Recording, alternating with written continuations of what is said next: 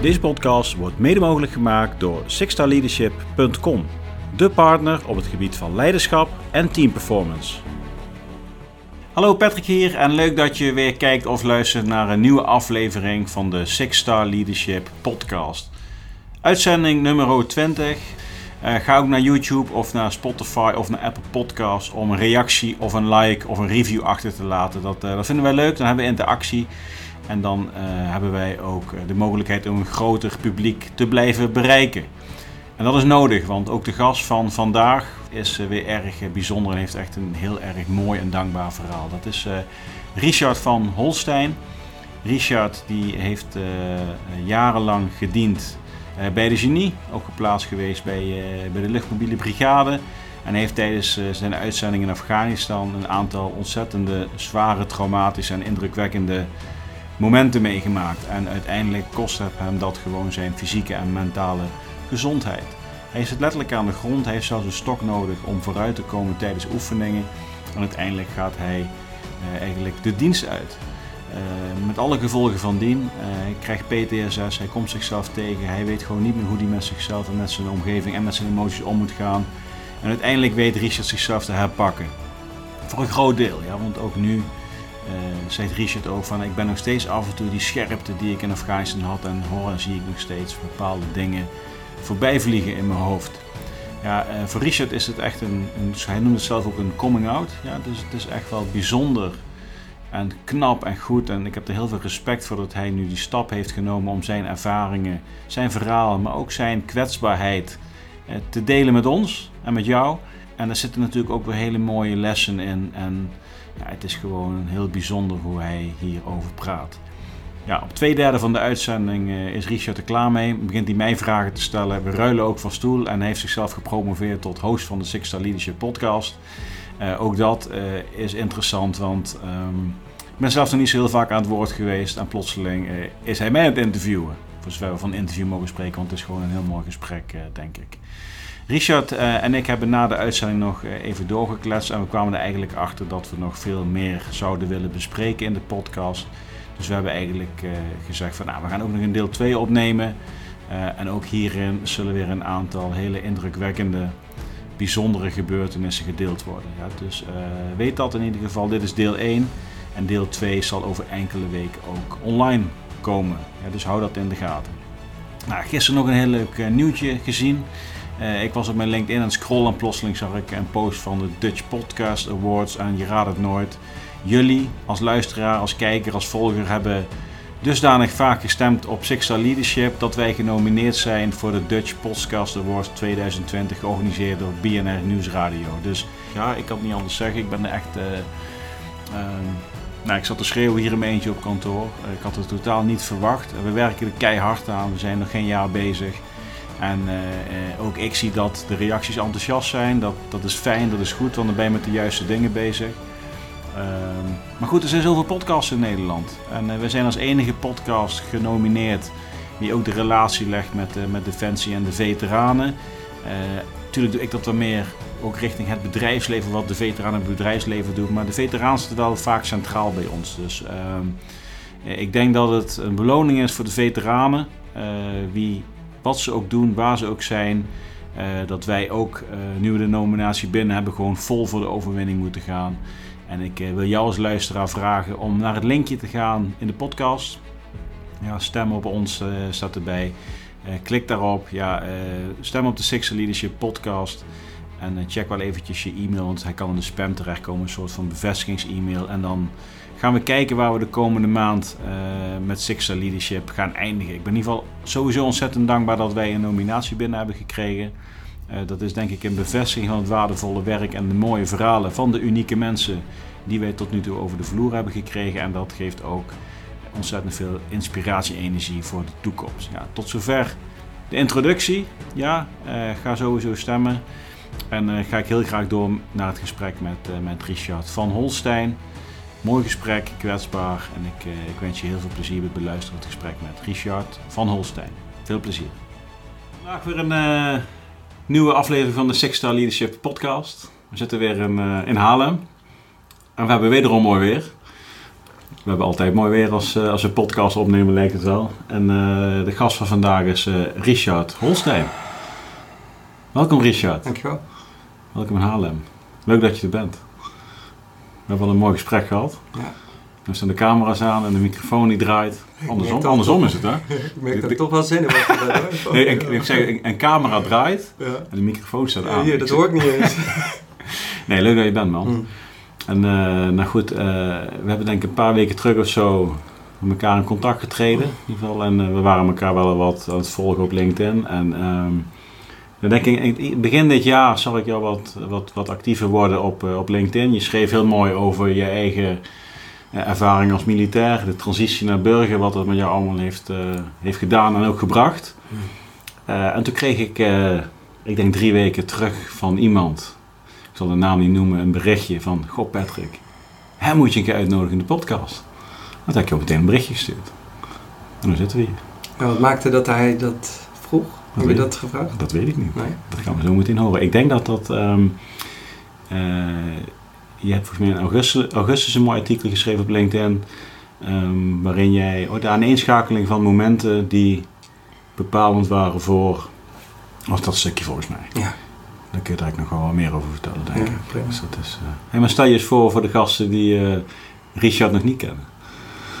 Uh, Richard. Ja. Mijn naam is Richard. Ja. Ik probeer me niet te veel te identificeren meer met uh, naam of functies. Ja. Of, um, ik woon in Rijswijk, geboren in Delft. Um, bijna 45 jaar. Over een maand word ik 45. En een carrière van plus minus 20 jaar bij Defensie achter de rug. En nou, om gelijk even bij dat artikel um, ja. stil te staan. Uh, 2009 heb ik een laatste uitzending gedraaid als uh, genist. Als groepscommandant van een uh, geniegroep. En dat was best een pittige, pittige uitzending. Hebben wij als, niet alleen als groep maar als hele eenheid, eigenlijk als hele battlegroep, best wel voor onze kiezer gekregen. Was het de TV8 of zo? TV9. TV9. Maar wat het voor mij vooral pittig maakte, is dat ik net een, um, een paar dagen in het gebied was. Uh, uit de eetzaal kom, naar het toilet loop, uit het toilet nog eigenlijk mijn rits aan het, uh, aan het dichtritsen ben. En dat er een 107 het kamp uh, eigenlijk uh, opkomt. Nou, ik weet niet of je het geluid van een 107 ja, die, van korte afstand, ja. die gaat door merg, bij mij door merg en been. Ja. Ik denk, ik schat dat het een meter of 30, 30 was. Tussen mij en de explosie. En nou, toen was de toon gezet. Um, ik ben gaan rennen, ik ben veilig de FEP ingerend. Dan heb ik mezelf gecheckt. En vervolgens um, stond ik aan de grond genageld. Mm -hmm. uh, en er ging van alles in me, in me om toen op dat moment. En wat, wat me bij is gebleven is dat ik um, vast stond. dat is één. Twee, wij zijn mijn kerels. Want die waren de post gaan halen, ik weet niet, ergens achter de echo's kon je... Ik was groepscommandant. Ik was groepscommandant, ja. ja. Kon je uh, de post ophalen, per groep geloof ik. Maar die kerels waren er dus niet. Dus ik was angstig of er iets met die kerels was gebeurd. Um, en drie, ik besefte me dat ik naar buiten moest. Dus de veilige locatie moest gaan verlaten om mogelijke gewonden naar binnen te gaan halen. Uh, dus ik ren, nou, je weet hoe lang die Vepstraten zijn. Mm. Ik ren eigenlijk door de Vepstraat naar de andere uh, ingang, of de andere uitgang. Net, dat is maar net hoe je het ziet. En daar begonnen eigenlijk al de eerste gewonden naar binnen te komen. En ja, dat was best heftig. Ja, als start van de uitzending. Als start van de uitzending. En wat ik, wat ik vooral heftig vond, want op het moment dat de gewonden binnenkwamen... Um, werden ze door de uh, CSM van de compagnie waar wij mee, mee waren uh, uh, op stoelen gezet, op volgorde van prioriteit. En vervolgens gingen, gingen wij verbinden. En ik, ik kan me nog heel goed herinneren dat ik mijn verbandpakje uit mijn been pakte. En dat ik, ja, de eerste jongen waar ik, die ik ging helpen, die had dus gewoon een aangezichtsletsel. En ja, ik stond daar dus met het verbandje en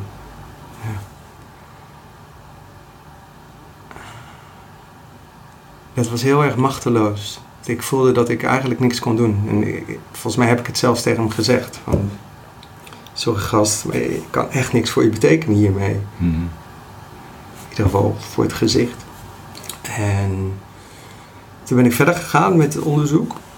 En toen deed ik zijn jasje open. En toen zag ik de uitwerking van de blast. Dus ik zag door zijn, eh, ja, je weet wat die groene defensie t-shirtjes, strak. Ik van Kaki. ja. Zag allemaal van die streepjes bloed door, ehm, ja, door, door de stof heen komen. En ik dacht, fucking hell, dit was... Dit is dus de blastwerking. En ook daar machteloos. Hier kan ik nu niks aan doen met dat ene verbandje. En eigenlijk ging het heel snel. Daarna kwam eigenlijk vrij snel kwamen de medics. Ik weet niet waar ze vandaan kwamen, maar die kwamen met gewonde verzorgingstassen. Kwamen ze naar binnen en die namen, dat, die namen dat best wel snel over. Dus wij konden een stap, of in ieder geval ik kon een stap achteruit zetten. En ja, een paar keer ademhalen en kijken, oké, maar waar ga ik me nu voor inzetten? Ehm, toen ben ik nog mee naar buiten gegaan met een oud collega om te kijken of er nog meer slachtoffers waren. Ehm, dus een van onze, ehm, de, de, onze luitenant logistiek, die, was, ehm, die stond in de FEP, douchefab, te douchen. Ehm, dus die moest ook eh, behandeld worden.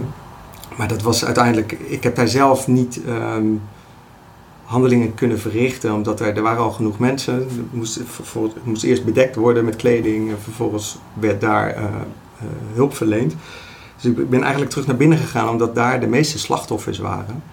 En toen ik terug binnenkwam, was het al, ehm, ja, zouden ze afgevoerd gaan worden naar de rol 2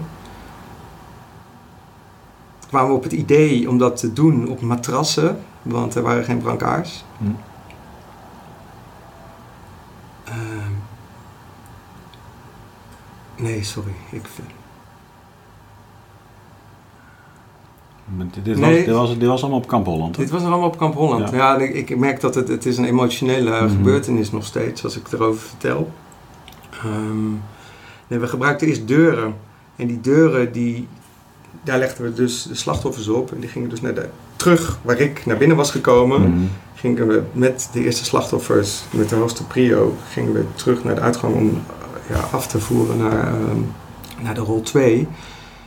Alleen die deuren die pasten niet door, de, ehm, door die uitgang Buiten, heen. nee. Dus we stonden daar eigenlijk echt te klooien met, met zwaar gewond slachtoffer op Mhm. de deur met blast, ehm, ja, eh, schade. Hoe- hoeveel slachtoffers waren er toen dan? Hoeveel gewonden? Volgens mij hadden wij in, de, in onze behandeling, wat wij aan het doen waren, Ja. volgens mij zes of zeven ehm, gewonden. Maar is, is het breed uit het nieuws geweest? Of? Dat weet ik niet. Ja. Nee. Maar wat ik wel weet is dat Astin Chatli daarbij eh, om het leven is gekomen. Ja, ja. Eh, alleen die is bui- van buitenaf gelijk afgevoerd eh, richting de rol 2, heb ik begrepen. Net zoals onze luitenant logistiek. Oh, die is ook vanaf buiten afgevoerd. Ehm, maar vrijwel alle jongens die wij met, met, met de verwondingen hielpen, waren volgens mij allemaal van één infanteriegroep. Mhm. Ik weet niet welke eenheid, wie, wie dat waren. Ehm, maar die stonden daar gewoon rustig, eh, volgens mij een sigaretje te roken bij dat volleybalveld. Ik weet niet of je dat weet op Ja. Kamp Holland. Ja. Maar goed, dus er was in één keer een hele groep ehm, gewond. Maar terug naar dat afvoeren, dat was dus gewoon fucked up. Dat we gewoon niet met die deur door de uitgang konden. Je moest kantelen. We moesten kantelen. Nou ja, als je dus eh, open wonden, open, open buikwond hebt bijvoorbeeld. Het is niet fijn als je gaat kantelen en er komt ook nog van alles los. En uiteindelijk is het gelukt door matrassen te gebruiken, dubbel te vouwen en op die manier ehm, af te voeren. Mhm. Ja. En het was gewoon eh, veel bloed, veel paniek. Eh, ja, heel veel respect voor onze CSM toen. Want die, ehm, die heeft dat toch wel aardig goed in, ehm, in banen geleid. Dus die ging echt sturen en afvoeren, Mhm. sturen, afvoeren, behandelen. En, ja. Nou ja, je kan dus begrijpen dat ik ehm, na, ja, nadat ehm, het, eh, het alarm af was gezet, hoe noemen we het ook weer? Dat, als er zoiets gebeurt, dan gaat alles op slot. Ja, de black, eh, black hole. Ja, toch? ja maar ook dat, dat alles weer veilig is. Dus iedereen moet onder panzer blijven. Ja, Ja, totdat alles een soort van ja veilig... nou, die termen dat ben, die ben ik ook een beetje kwijt. Ja. ja.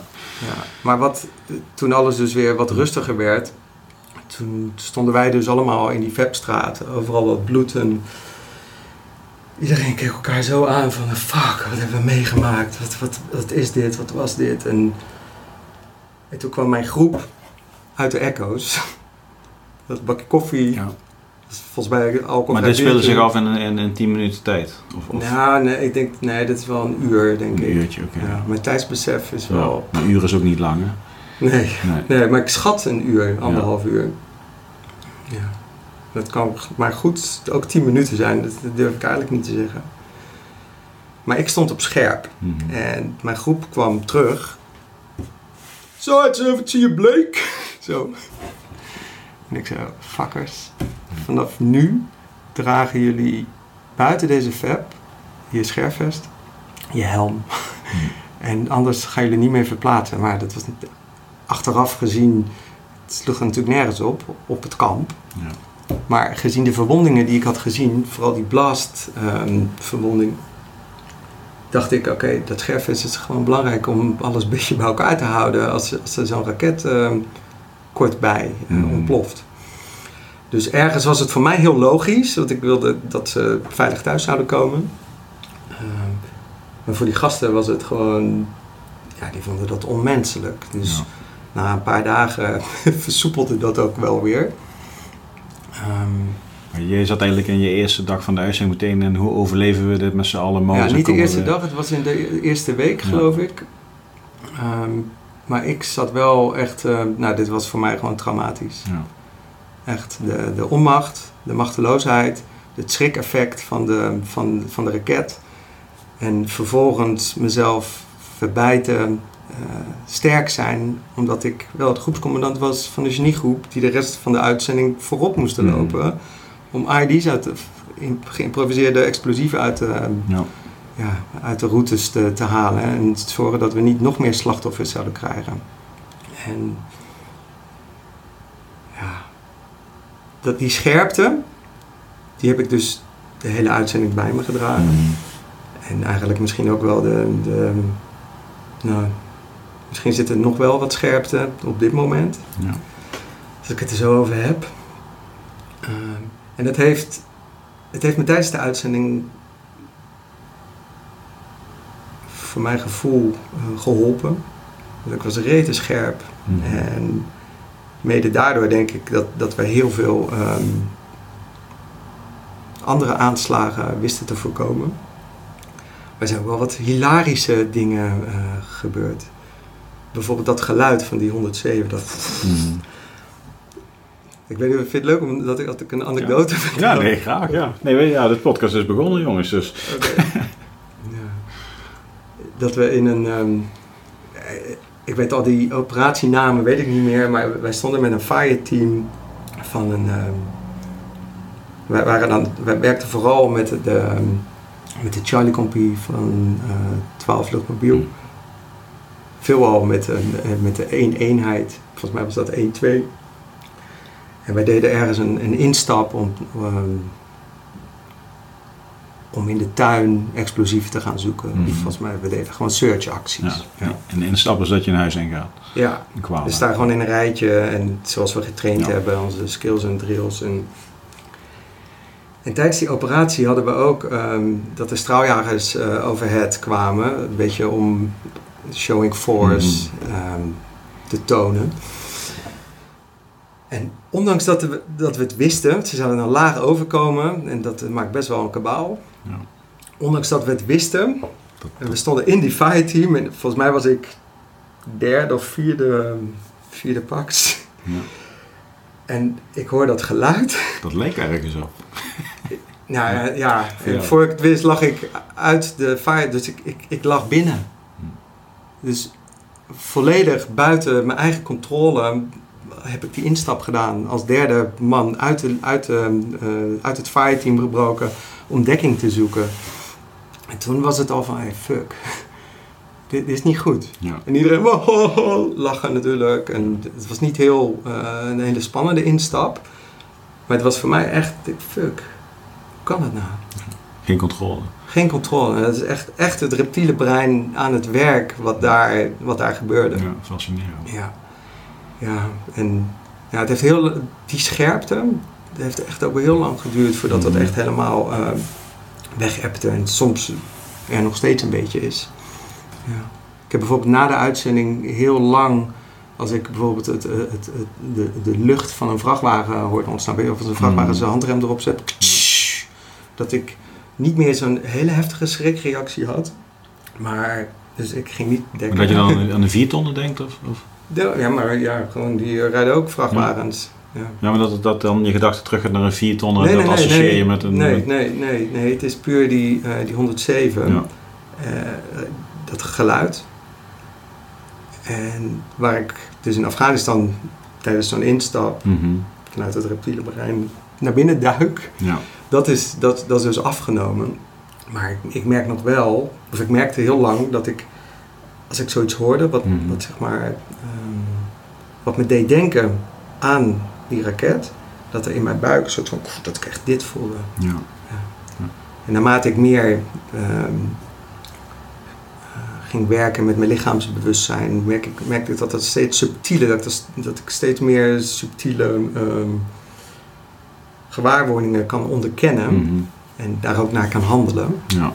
Dus ja.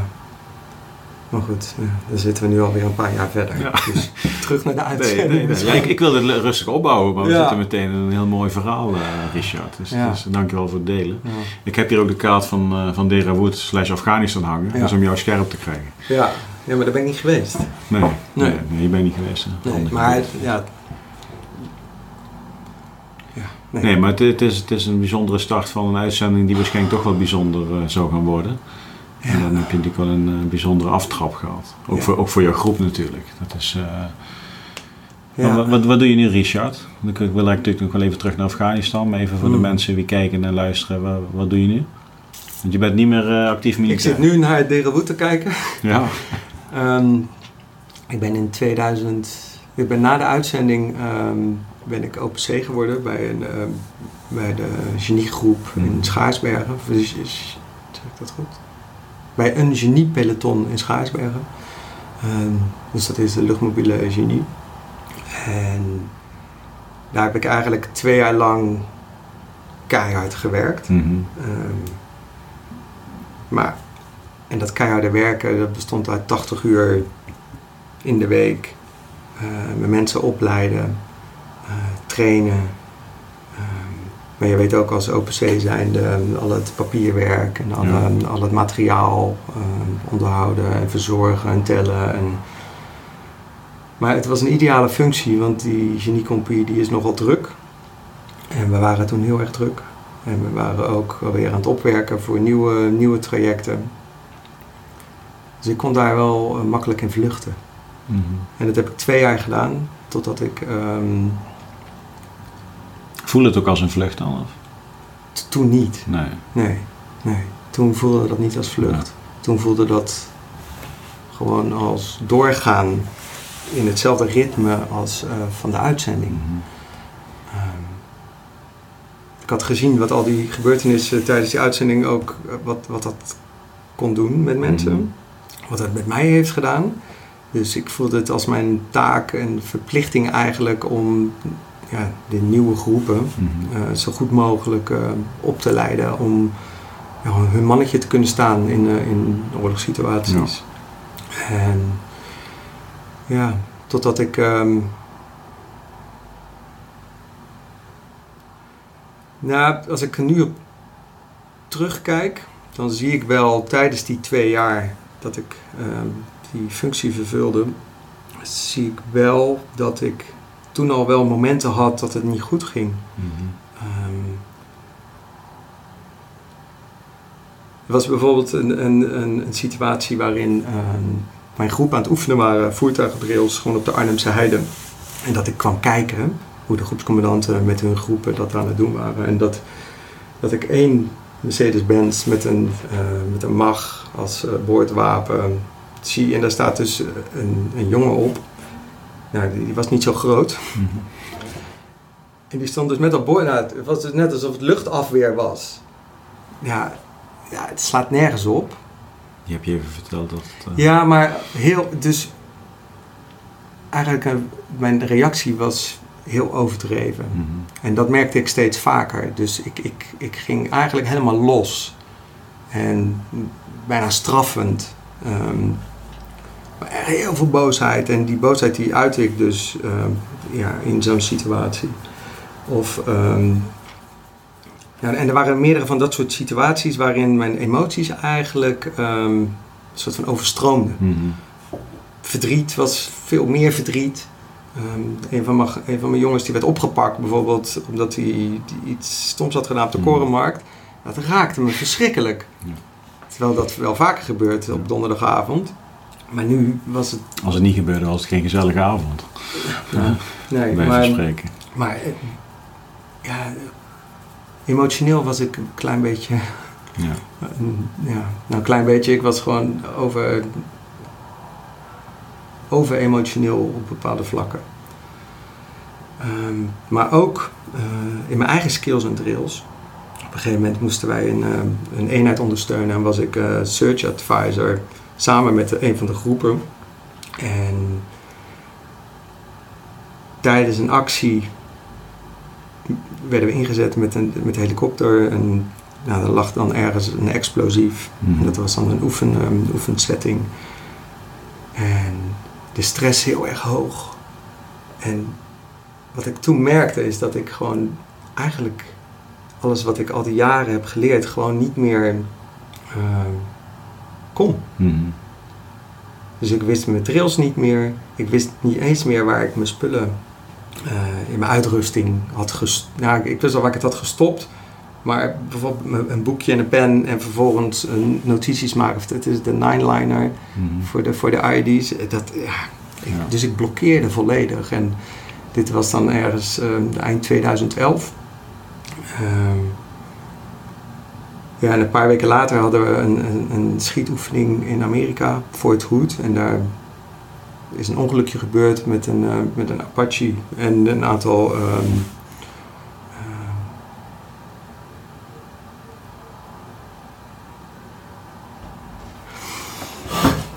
een ongeluk gebeurd met, eh, met een Apache, laten we het daar maar op houden. Mhm. En ja, daarna was voor mij de, de, de emmer vol. Ja. En ik, ik, dus die emoties die, die waren, ik kreeg lichamelijk overal last. Ik had last van mijn rug. Ik, op een gegeven moment kon ik niet meer lopen. En ja, Maar le- leg, legde je toen al de relatie met, eh, is zeg maar dat moment in Afghanistan, is dat voor jou, is dat een startpunt geweest van een ophoping van, ja, je bouwt je hele leven traumatische, een traumatische rugzakje, die vult zich iedere dag wel een eh, beetje. Maar was dat zeg maar de eerste highlight die echt heeft geleid tot, tot die klachten? ja, dat wist ik toen niet. Nee. Nee. Ik heb er meerdere Maar heb je, toen nooit, heb je toen nooit de relatie gelegd van, goh, ik ben aan het lichamelijk aan het afbreken en dat komt ergens vandaan? Nog niet. Nee. Nee. nee. Pas toen ik ehm, met mijn versleten rug, want dat was Mhm. wat, eh, wat de arts in, eh, in het CMH zei. Je rug is versleten en ik denk dat het goed is om na te gaan denken over een andere carrière. Ehm, nou, dat was voor mij sowieso een klap, Mhm. want mijn hele identiteit, eh, ik was, was vooral helemaal militair na twintig jaar. En dus dat was al een klap. Die lichamelijke ehm, klachten, daar, daar, daar had ik het al moeilijk mee. Want ja, als militair is je lichaam toch best eh, een belangrijk voertuig. Ja. En, en toen ging ik revalideren in Doorn. En daar kwam ik relatief tot rust. Dus ik kreeg daar een huisje. Met, dit deelde ik met twee collega's. En dan ging je daar een soort van ja, revalidatietraject in. Maar ik lag daar dus, de, ik kan me nog heel, goed herinneren dat ik de eerste nacht, was de eerste avond daar in dat huisje met die gasten zat. En die, die andere twee gasten die gameden. En die zaten met hun muis een soort van de hele tijd te klikken. Nou, helemaal gek. En op dat moment dat ik, dat besefte ik hoe overprikkeld en hyperalert of aroused eigenlijk, hoe- hyperalert ik eigenlijk was. En hoe gestrest en geprikkeld en overprikkeld en pijn en Maar het was fysieke revalidatie. het was fysieke Ja, revalidatie, ja. En nou ja, de volgende dag heb ik gevraagd om een eigen plek. Eh, en als ik dat niet zou krijgen, zou ik in het bos gaan liggen eh, onder een, ehm, onder een ponchootje. Want dit was voor mij niet te doen. En daar heb ik twee maanden gerevalideerd. Ehm, ja, maar het werd er niet beter op. Hm. Nee. Had je toen al een stok?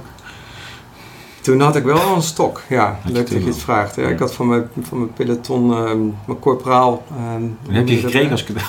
Ja, hoe heet het nou? De Ja. Corporaal Co. Ja. Ja, die had een, een, een wandelstok helemaal gecamoufleerd, eh, gespoten. En, nee, dat kreeg ik dan als eh, cadeautje. Ja, het is natuurlijk leuk en er werd om gelachen. Mhm. Het was eigenlijk gewoon sip. Om als wat is het, 35-jarige vent ehm, jezelf te moeten verplaatsen met een stok. Ja, maar- Ja.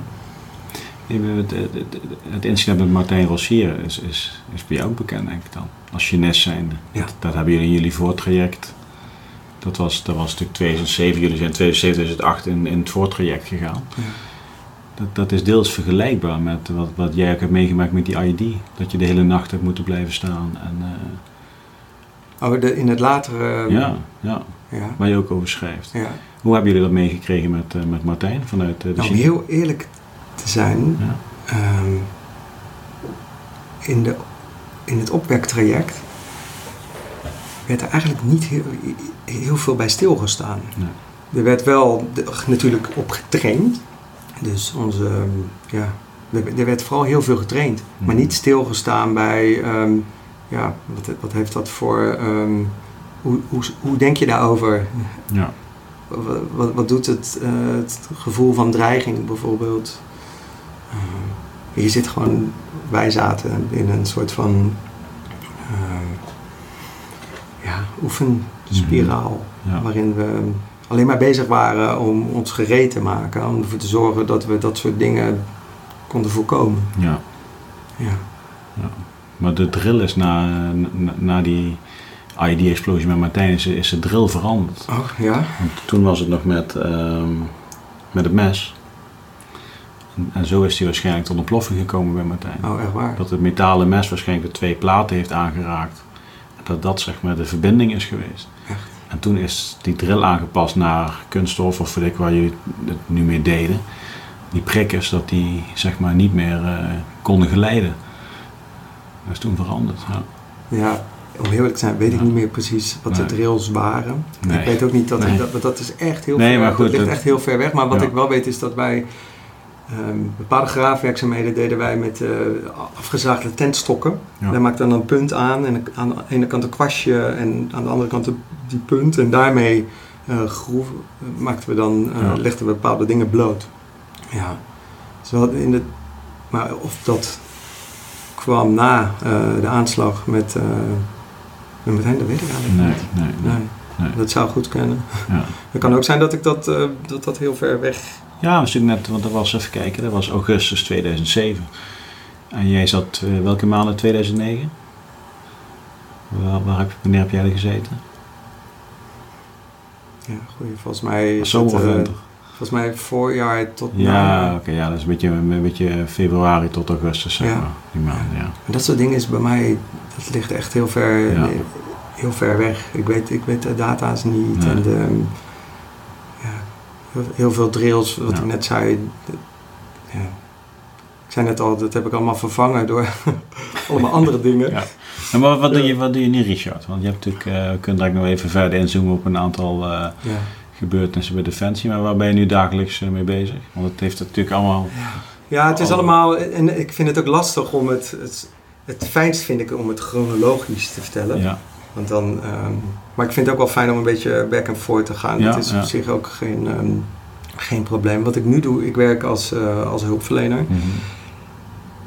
Ik dacht dus, nou, dat was voor mij heel lang een soort van vermijding, denk ik. Want mijn rug was dus soort van kapot. Ik moest wat anders gaan doen. Ehm, mijn overige klachten werden dan niet ehm, gediagnosticeerd als eh, klachten van PTSS. Dus ja, dan had ik dat niet. Ehm, maar ik kwam wel in aanraking met een best wel vervelende bureaucratische, bu- bureaucratische rompslomp. En procedures en processen binnen Defensie. En, dus dat- dan heb ik het over het traject van reïntegratie, ehm, afkeuren, afkeuring, eh, nieuwe baan proberen te vinden. En nou, dat gaat echt zo. Alsof je, ik had het gevoel alsof ik vast zat in de, in de klei. Of, en eigenlijk ja, alsof ik in een moeras zat. En gewoon niet kon bewegen. En ook gewoon geen ehm, zicht op iets nieuws in de toekomst. Plus al die lichamelijke en mentale klachten. Waardoor het eigenlijk steeds slechter ging. Eh, en omdat ik het bij ehm, de psychologische diensten binnen Defensie niet kon vinden, daar heb ik wel om gevraagd. Dus ik heb wel echt een hulpvraag neergelegd. Eh, maar nee, ik kreeg te horen: nee, dat komt niet door ehm, uitzendervaringen. Ehm, of er zijn ook een aantal keren geweest dat er gewoon niet gesproken werd over de uitzendervaringen, terwijl ik dat eigenlijk wel wilde. En dus toen ging ik eigenlijk een eh, mezelf zoeken. Ja. Ja, maar die eigen zoektocht, die op een gegeven moment toen ik wat in de overgave kwam, van oké, ik zit in dat moeras, het is zwaar, het is uitzichtloos. Er, kwam ergens wel een moment dat ik me daar eh, aan over kon geven. En wat daarvoor in de plaats kwam, was dat ik ging lezen. Dus ik ging, ja, ik had allerlei boeken gekregen van vrienden, vriendinnen in de jaren dat ik bij Defensie werkte. Maar dat waren de pelgrimstocht naar Santiago. Of de, allemaal eh, voor, voor mij toen een soort van zweverige, zweverige literatuur. En als ik dat las, of probeerde te lezen toen ik nog als militair werkte, toen, toen ik kwam gewoon niet naar binnen. Het beklijft het niet. Nee, het bekleeft niet. Maar ik snapte het ook eigenlijk niet, wat daar dan allemaal in beschreven werd. Maar, maar nu lag ik dus eigenlijk plat. En ging ik die boeken lezen. En op een of andere, op een of andere manier kwam het nu wel binnen. Wat was door het, matra- door het moeras zeg maar, wat open gegaan? Dat daardoor misschien nou wat bepaalde dingen jou eh, konden vinden.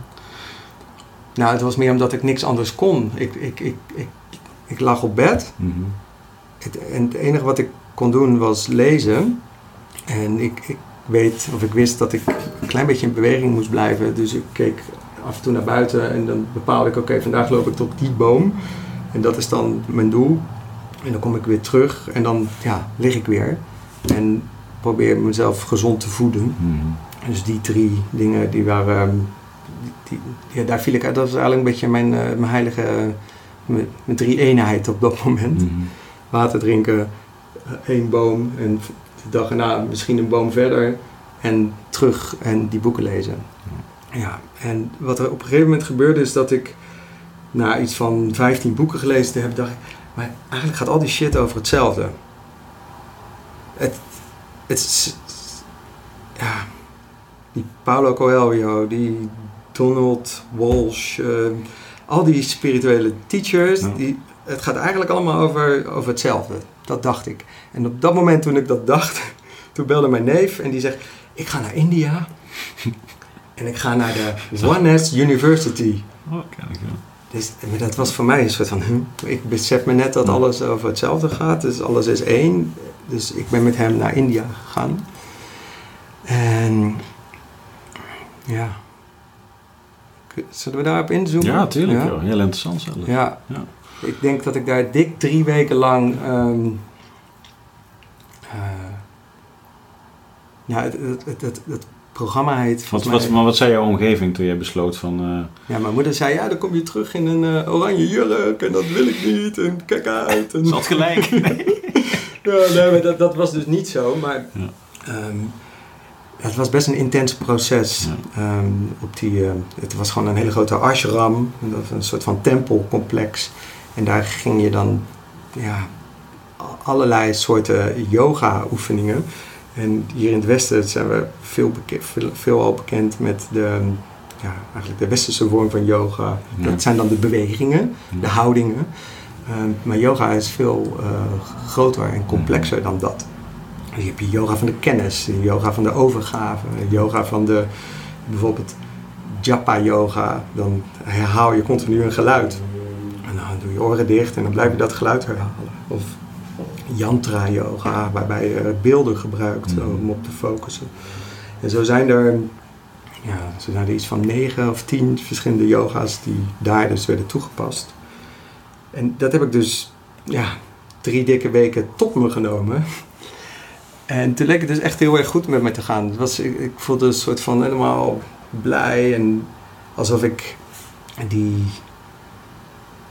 al die militaire dingen aan het achterlaten was. Mhm. En misschien ook wel nog jeugddingen van voor mijn militaire tijd.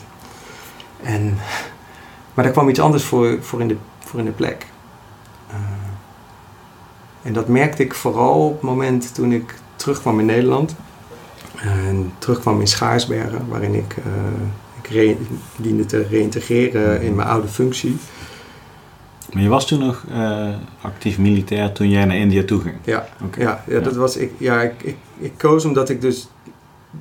Voor mijn gevoel werd ik niet gehoord en ook niet gezien in mijn pijn en in, in dat zware. Mm -hmm. dat, dus ging ik zelf iets zoeken. En oh, India was, ja, ja, India... Vaak zie je dat, dat, dat die stap gedaan wordt nadat mensen Defensie hebben verlaten. Ja. En dan, uh... ja, nee, dat was nog tijdens. Okay. Ja. En, maar wat er dus gebeurde is dat ik dus nog, ja, ik nog moest reïntegreren. Maar dus in Schaarsbergen bij de compagnie kwam. En waar ik voorheen bijvoorbeeld met, met mannen ochtendsport deed, was het nu yoga. Of meditatie. En ergens spraken we dezelfde taal niet meer. En dat voelde zo, zo ongemakkelijk. Beide partijen waarschijnlijk.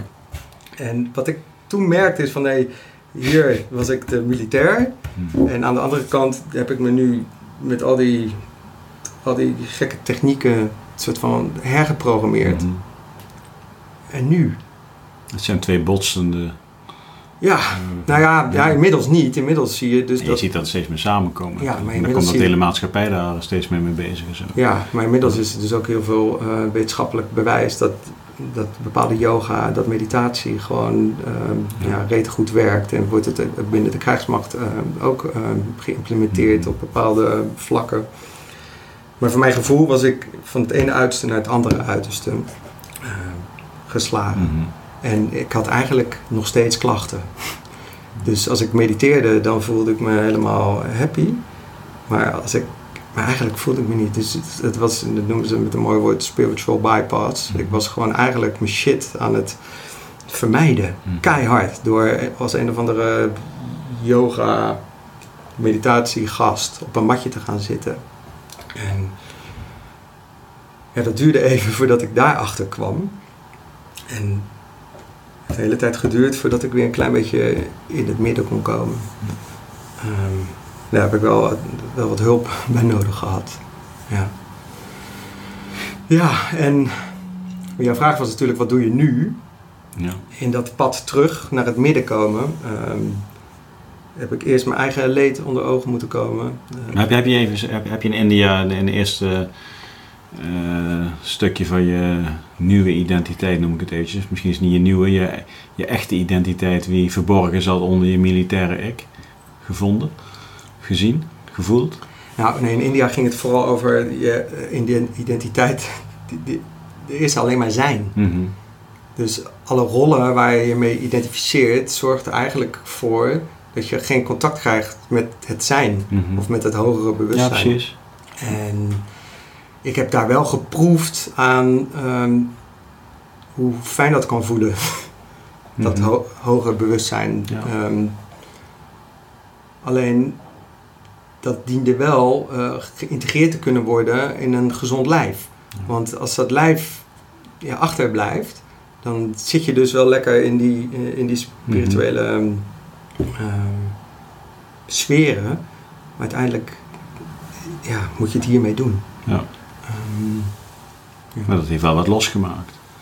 het heeft wel wat losgemaakt. Ja, Het was ja. inderdaad, ja, het was... ehm, Je moet ergens beginnen. Kijk, en, Ja. en ik denk, je zoekt Ja. meteen een extreem op. Je, je komt vanuit een extreme wereld waarin we heel erg vanuit de identiteit leven wie we denken te hebben. En dat is prima, ja, want ik denk dat daar ook de- een deel van de organisatie op dit moment op gebouwd is. We zijn dit. ja. En je pas je erin en dat geeft ook een stukje vertrouwen en zekerheid en gevoel van saamhorigheid en broederschap en noem het allemaal maar op.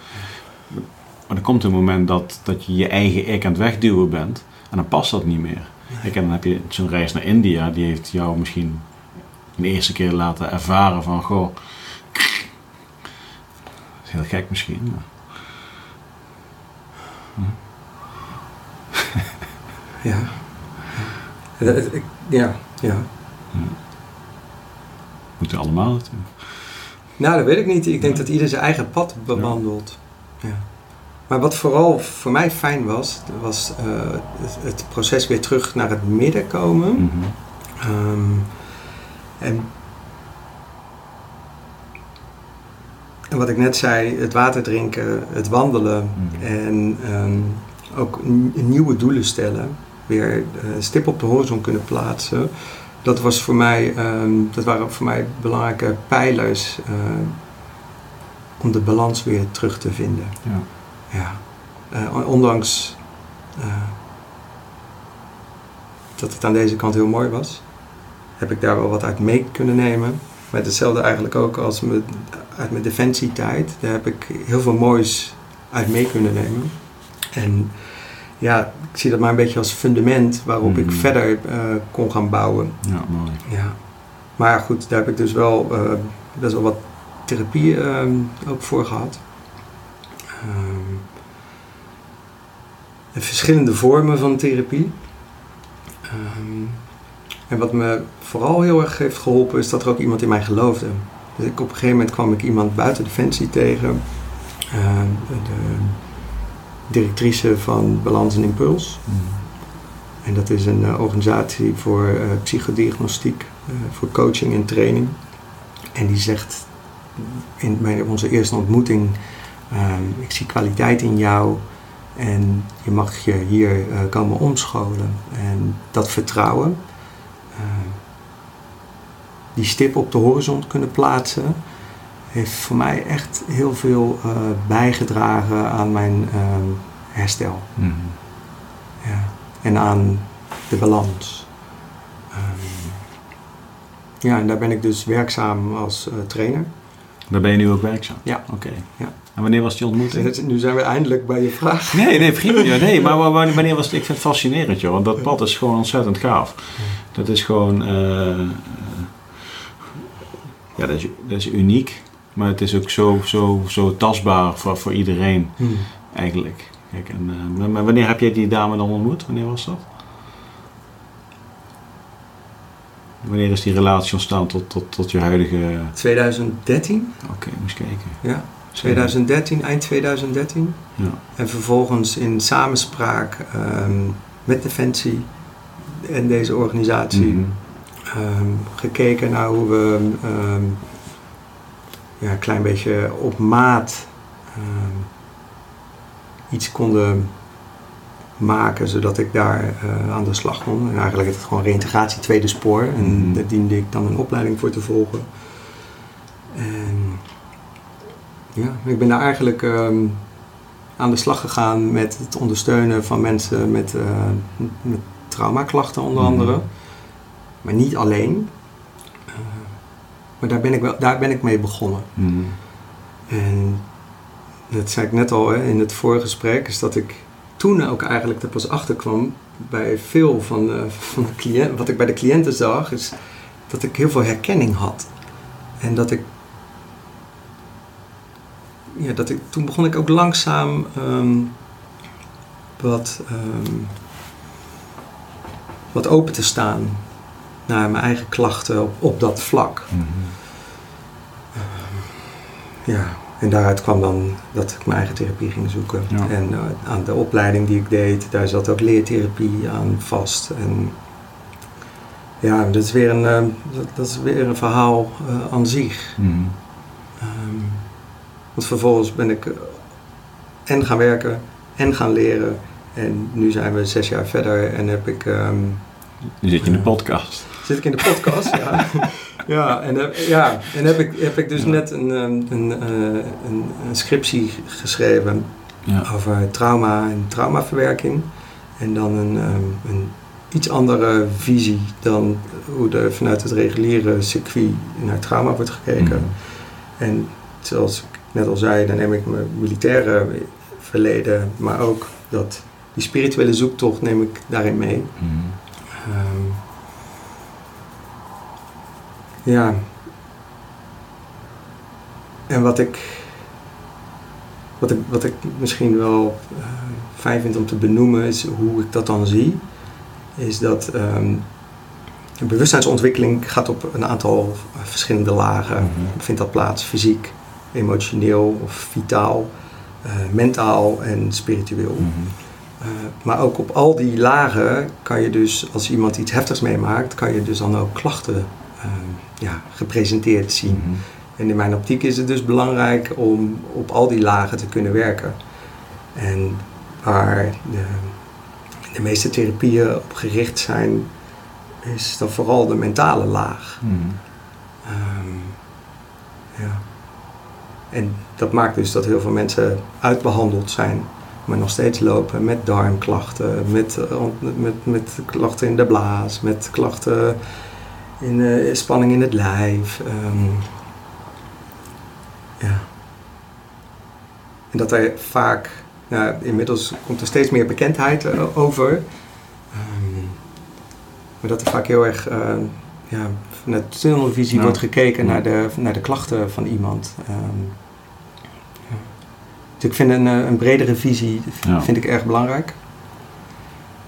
Ja, en daarin bijvoorbeeld mindfulness, ehm, eh, daar heb ik een onderzoekje naar gedaan. Dat is dan mijn laatste eh studieding geweest. En inmiddels ben ik afgestudeerd en klaar. Mhm. En inderdaad zit ik nu in de podcast en is er nu ruimte voor, Ja. voor nieuwe dingen. Ja, mooi. Is wel, wel mooi. mooi. Eh, Mijn- Mijn oudste zoontje die heeft een. eh, hij, hij kijkt toch niet, dus ik mag alles over hem vertellen. Die heeft één is die?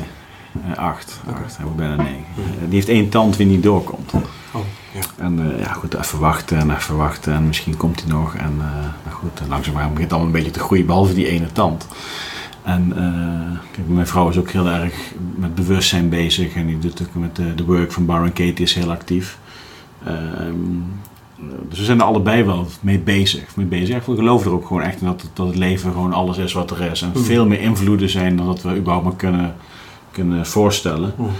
Dus ehm, ja, die tand zou e- eigenlijk geholpen moeten worden door middel van wat eh, tangen erop te zetten en een beetje snijden, een beetje ruimte maken. En eh, ja, dat is een beetje de makkelijke weg. Volgens jou? Nee, volgens de tandarts. Oh, volgens de je? tanden. En, eh, maar nou ga ik, eh, heeft mijn vrouw geregeld, dus ik ga nou niet met de credits lopen. Maar in ieder geval, we denken allebei hetzelfde over. Ik ga vrijdag dus met hem naar Amsterdam, naar een, naar een praktijk. Een man die dus hem gewoon gaat bekijken, onderzoeken, gaat voelen. Of er ergens knellingen zijn of invloeden zijn. Of er kan van alles zijn waarom dat tandje niet door gaat komen. Dat is dan een osteopaat? Het is geen osteopaat. Nee? Nee, ik, zal dus, ik zal eens doorsturen wat het is. Ja. Hm. Kijk, maar er is, er is veel meer eh, mogelijk waarom die, die tand niet doorkomt. Een tand staat in contact met alles wat er maar in je lichaam afspeelt. Ja. Misschien zit er wel ergens iets wat, eh, wat gewoon reden heeft waarom die tand niet doorkomt. Kijk, en, en, Mooi dat je dat zo ziet. Ja, dat is mooi. Ja. Ja. En hij gelooft er zelf ook in. Echt. Ja, dus je denkt van ja, nee, dat, dat, dat snapt hij wel. Dus dan, eh, dat is mooi, weet je wel. Kijk, en dus dan, dan, dan het is heel makkelijk om, om, om zeg maar fysiek in te grijpen. Mhm. Iemand mentaal sterk te maken dat hij daar doorheen moet en dan komt het allemaal goed. Ja. Terwijl er ergens misschien wel iets veel groters is wat ervoor zorgt dat dit bij hem zo is. Mhm. En dan hebben we het over een tand. Ja, maar Ja, dat is dus, Daar dus, dus, dan zoek je eigenlijk de betekenisgeving waarom. Ja, waarom is dat? Ja. Snap je? Waarom heb je nekklachten? Waarom heb je last. Heb straks ook Hmm. vaak ontlasting, diarree, et cetera Ja. allemaal. Ja. Wordt geen poeppodcast. Maar er zit vaak veel meer achter dan Ja. alleen maar... Ja, je eet slecht. Ja. Ja, er zit veel meer achter. Weet je wel. Ja. Dat is ook wat je bedoelt, denk ik. Ja, ja, de lichaam en geest met elkaar verbonden. Ja. Ja, dat is interessant. Ja. En wat was jouw motivatie om ooit bij Defensie te gaan? Dan gaan we weer terug. eh, gaan we helemaal terug. Ja, ik ga van links naar rechts. Ja. Poeh. Nou, dat weet ik wel. Ik was eigenlijk heel erg zoekend naar identiteit. Mhm. Dat Wat was jouw... eh, 18 jaar. Ja. Toen de tijd wist ik dat niet. Toen de Ja. tijd dacht ik, ik ga iets actiefs doen. Ik ga uit het. ehm, want in die periode was het vooral eh, in de buurt wat hangen met vrienden. Ja. Tof doen. Tof doen bij het bushokje. En- Ja. En daar was ik op een gegeven moment zo klaar mee dat ik. ehm, en mijn eh, stiefvader heeft bij de marine gewerkt. Mhm. Die had het wel eens een paar keer gezegd dat dat goed zou zijn. En ja, dus dat maakte eigenlijk dat ik een soort van vluchtte Mhm. uit de situatie waar in Delft waarin ik opgroeide. Ehm, en eigenlijk nieuw avontuur aan wilde gaan.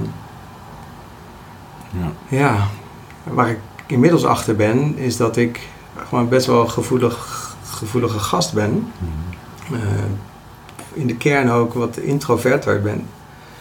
En eigenlijk gewoon niet zo heel goed om kon gaan met, ehm, met emoties, met gevoelens. Mijn ouders gingen scheiden toen ik 15 was. Defensie was, uit dat, en zo kijk ik er nu op terug, gewoon een vlucht voor mij om dat allemaal niet te hoeven voelen. En dat is er aardig gelukt. Want toen ik kreeg een pak, we zagen er allemaal hetzelfde uit. Ja. Ja, er was ook wel competitie en eh, de groepsprocessen, maar heel anders dan bij ons in de buurt of op straat of op school. Dat was heel anders. Wat, was dan voor jou het verschil? Dat we allemaal door dezelfde eh, waterbak moesten bij het, op, eh, bij, Ja, precies. bij het ja. bivak bijvoorbeeld. Ja, je hebt samen wat gedaan. Ja, Ja. nou ja, en ook best wel heftig. Het was gewoon best wel een pittige opleiding ehm, in 94. En ja, maar het was, ja, ja, dat is misschien een beetje een dood, maar pijn is een emotie. Dood dus, doe je. knip, ik- knip ik eruit. Ja, maar, maar uiteindelijk, Ja, dat kan, dat kan je uitschakelen. ja. Maar dat was wel wat ik graag wilde. Kun je het uitschakelen of kun je het wegstoppen? Ja, ja, goed. Eh, Ik denk niet dat je. Dat, ik ging er toen op dat Ja. moment niet zo Nee. bewust mee om. Maar het niet aanwezig zijn ehm, bij de gevoelige kant, bij de Mhm. emotionele kant, bij de, de, de pijn die ik had van de, de, de scheiding. Ja, dat kon ik mooi. Op het tentenkamp kon ik daar mooi eh, kon ik leren hoe ik mijn wapen moest poetsen en hoe ik eh, alles netjes in mijn rugzak eh, moest doen. Dus er was iets heel nieuws voor teruggekomen. Ja, Ehm, ja. En ondanks dat ik er dus heel veel van heb geleerd en heel veel aan heb gehad en het heeft me echt gevormd, positief, was het ook wel echt ehm, gedeeltelijk een vlucht uit de situatie waar ik, eh, waar ik uitkwam. ja. ja. Ik denk dat Ja. dat bij heel veel jongens en meiden die Ja, herken jij dat ook? Ja, 100%. Ja? Ja. Hoe oud was jij toen je bij Defensie ging werken? Ik, was, eh, ik was 18, denk ik. Mhm. Ja, ik was 18. Ik, eh, ik, ik was net 18, toen ging ik in de, de in Arnhem. Daar zat de banenwinkel. Ik vergeet het nooit meer. Ik heb het tasje hier nog liggen. joh. Het, het, het, originele tasje Ja. dat ik bij de banenwinkel in eh, 96 heb opgehaald. heb ik de volletjes nog van de 13 megbrug. Je mag dat ook loslaten. hè? Goh. Huh? Je mag het loslaten. Ik heb het op zolder gevonden vorige week. Ja. Ik dacht van grappig dat ik die nog steeds heb. Hmm. En, en, en toen voelde ik weer... ehm, ik, ik had dat tasje naast mijn bed liggen. Ik had een gast die 17, 18 jaar en ik had dat tasje met dat, met dat, met dat mapje en dan de rang al erin. En waren natuurlijk een beetje, ja, het is gewoon pure propaganda om zieltjes te winnen natuurlijk, als ik terugkijk. Hmm. Ik was er heel, ik vond hem fantastisch. Je? En eh, herken je dat? Weet ik, ik zei straks al, mijn moeder is jong overleden. Ehm, mijn vader eigen bedrijf. Ehm, mijn vader is later hertrouwd. Kids allemaal in de puberteit. Ja, dit, dit zijn geen schuldigen. Dat is natuurlijk wel een, een zware tijd in het leven van een puberjongen. Hmm. Of ouders, of stiefouders, of wat Ja. dan ook. Dus dat was gewoon uitdagend, laat ik het zo zeggen. Ik was altijd graag buiten. Ik was ook een schoffie van de straat. Nou, banenwinkel, mooi boekje. Nou, kom maar hier met die... eh, we, gaan, we gaan aan de slag. Hmm. En in één keer woonde je op jezelf op de kazerne. Je kon sporten, je kon trainen. Je hoorde ergens bij. Je kon een biertje drinken voor 60 cent. En ja, de rest is geschiedenis. En heb jij die, ehm, dat inzicht hè, van de reden waarom je dan bij Defensie mee gaan werken Mhm. en de, misschien de pijnstukken uit, uit je jeugd, heb je die ehm, in je latere carrière bij Defensie al onder ogen moeten komen? Of is dat ook pas in, het, in een later proces ontstaan nadat je Defensie had Ehm, verlaten? Nou, twee, twee, tweeledig eigenlijk. Wel leuk dat je dat vraagt. Ik ben, ik ben in 97 opgekomen. Ja. Mijn vader heeft een eigen bedrijf en die is brood- en banketbezorger aan huis. Dus die reed bij ons in het dorp, of die rijdt zelfs nog, eh, eh, broodbezorging. Ook wel bijzonder dat dan hier die bakkerij zit. Ja, nee, eh, papa wil even brood, broodlucht hier. Ik was altijd jong, ik was ik, altijd helpen met hem. Helpen, helpen, helpen, vrijdag, zaterdag. En ik vond het super leuk. ik kende ook iedereen in het dorp in Groesbeek. Ik voetbalde in het eerste van de lokale voetbalclub. Mhm. En, dus in 2003 heb ik Defensie verlaten. Eh, 2003. ben ik met mijn vader in het bedrijf gegaan. Nou, na vier maanden ging eh, ondergetekend alweer solliciteren. En toen ben ik naar de KMS gegaan. Nou, dat was natuurlijk een, een clash. Dat was niet zo prettig, want mijn vader had best wel wat ingeregeld voor het bedrijf. Bij een VOF, eenmanszaak, dat ik erbij kwam, allemaal gedoe. Maar het werkte gewoon niet. En dat was voor mij wel een moment van, oh wacht eventjes, er is wat aan het veranderen. En toen ben ik KMS gaan doen, onderofficier geworden, Afghanistan geweest, kinderen gekregen. En toen is een heel proces ontstaan van shit, wat is er eigenlijk van mijn twaalfde, misschien wel vanaf mijn zesde, zevende tot mijn 32 allemaal gebeurd. Mhm. En toen kwam die bewustwording pas echt. En, en, En hoe kwam dat? Kan je dat nog? hoe kwam dat? Ja, hoe kwam die bewustwording? Kwam dat Nou, die, nee, die, kwam, die kwam met name ehm, toen ik terugging van mijn tweede carrière, noem ik het eventjes.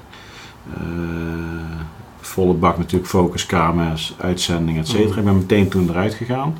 En ik merkte eigenlijk mijn eerste jaren in het bedrijfsleven dat ik... eh, ik had toen even heel veel emotionele lekken, noem ik het eventjes. Ik kwam ook in aanraking met een coach toen. En ehm, ik was eigenlijk altijd wel gespannen. Hoe uitte zich dat? Eh, nou, of heel verbaal proberen continu aanwezig te zijn, of zweten, veel zweten, weet je wel. Mijn schoonfamilie weet er alles van. Mijn eerste bezoekje bij mijn huidige vrouw. Ik heb lopen zweten als een otter. Dat was allemaal inwendige sp- spanningen en stress. Ja, was, welk jaar is dit dan? Na 2007? Eh, dit is...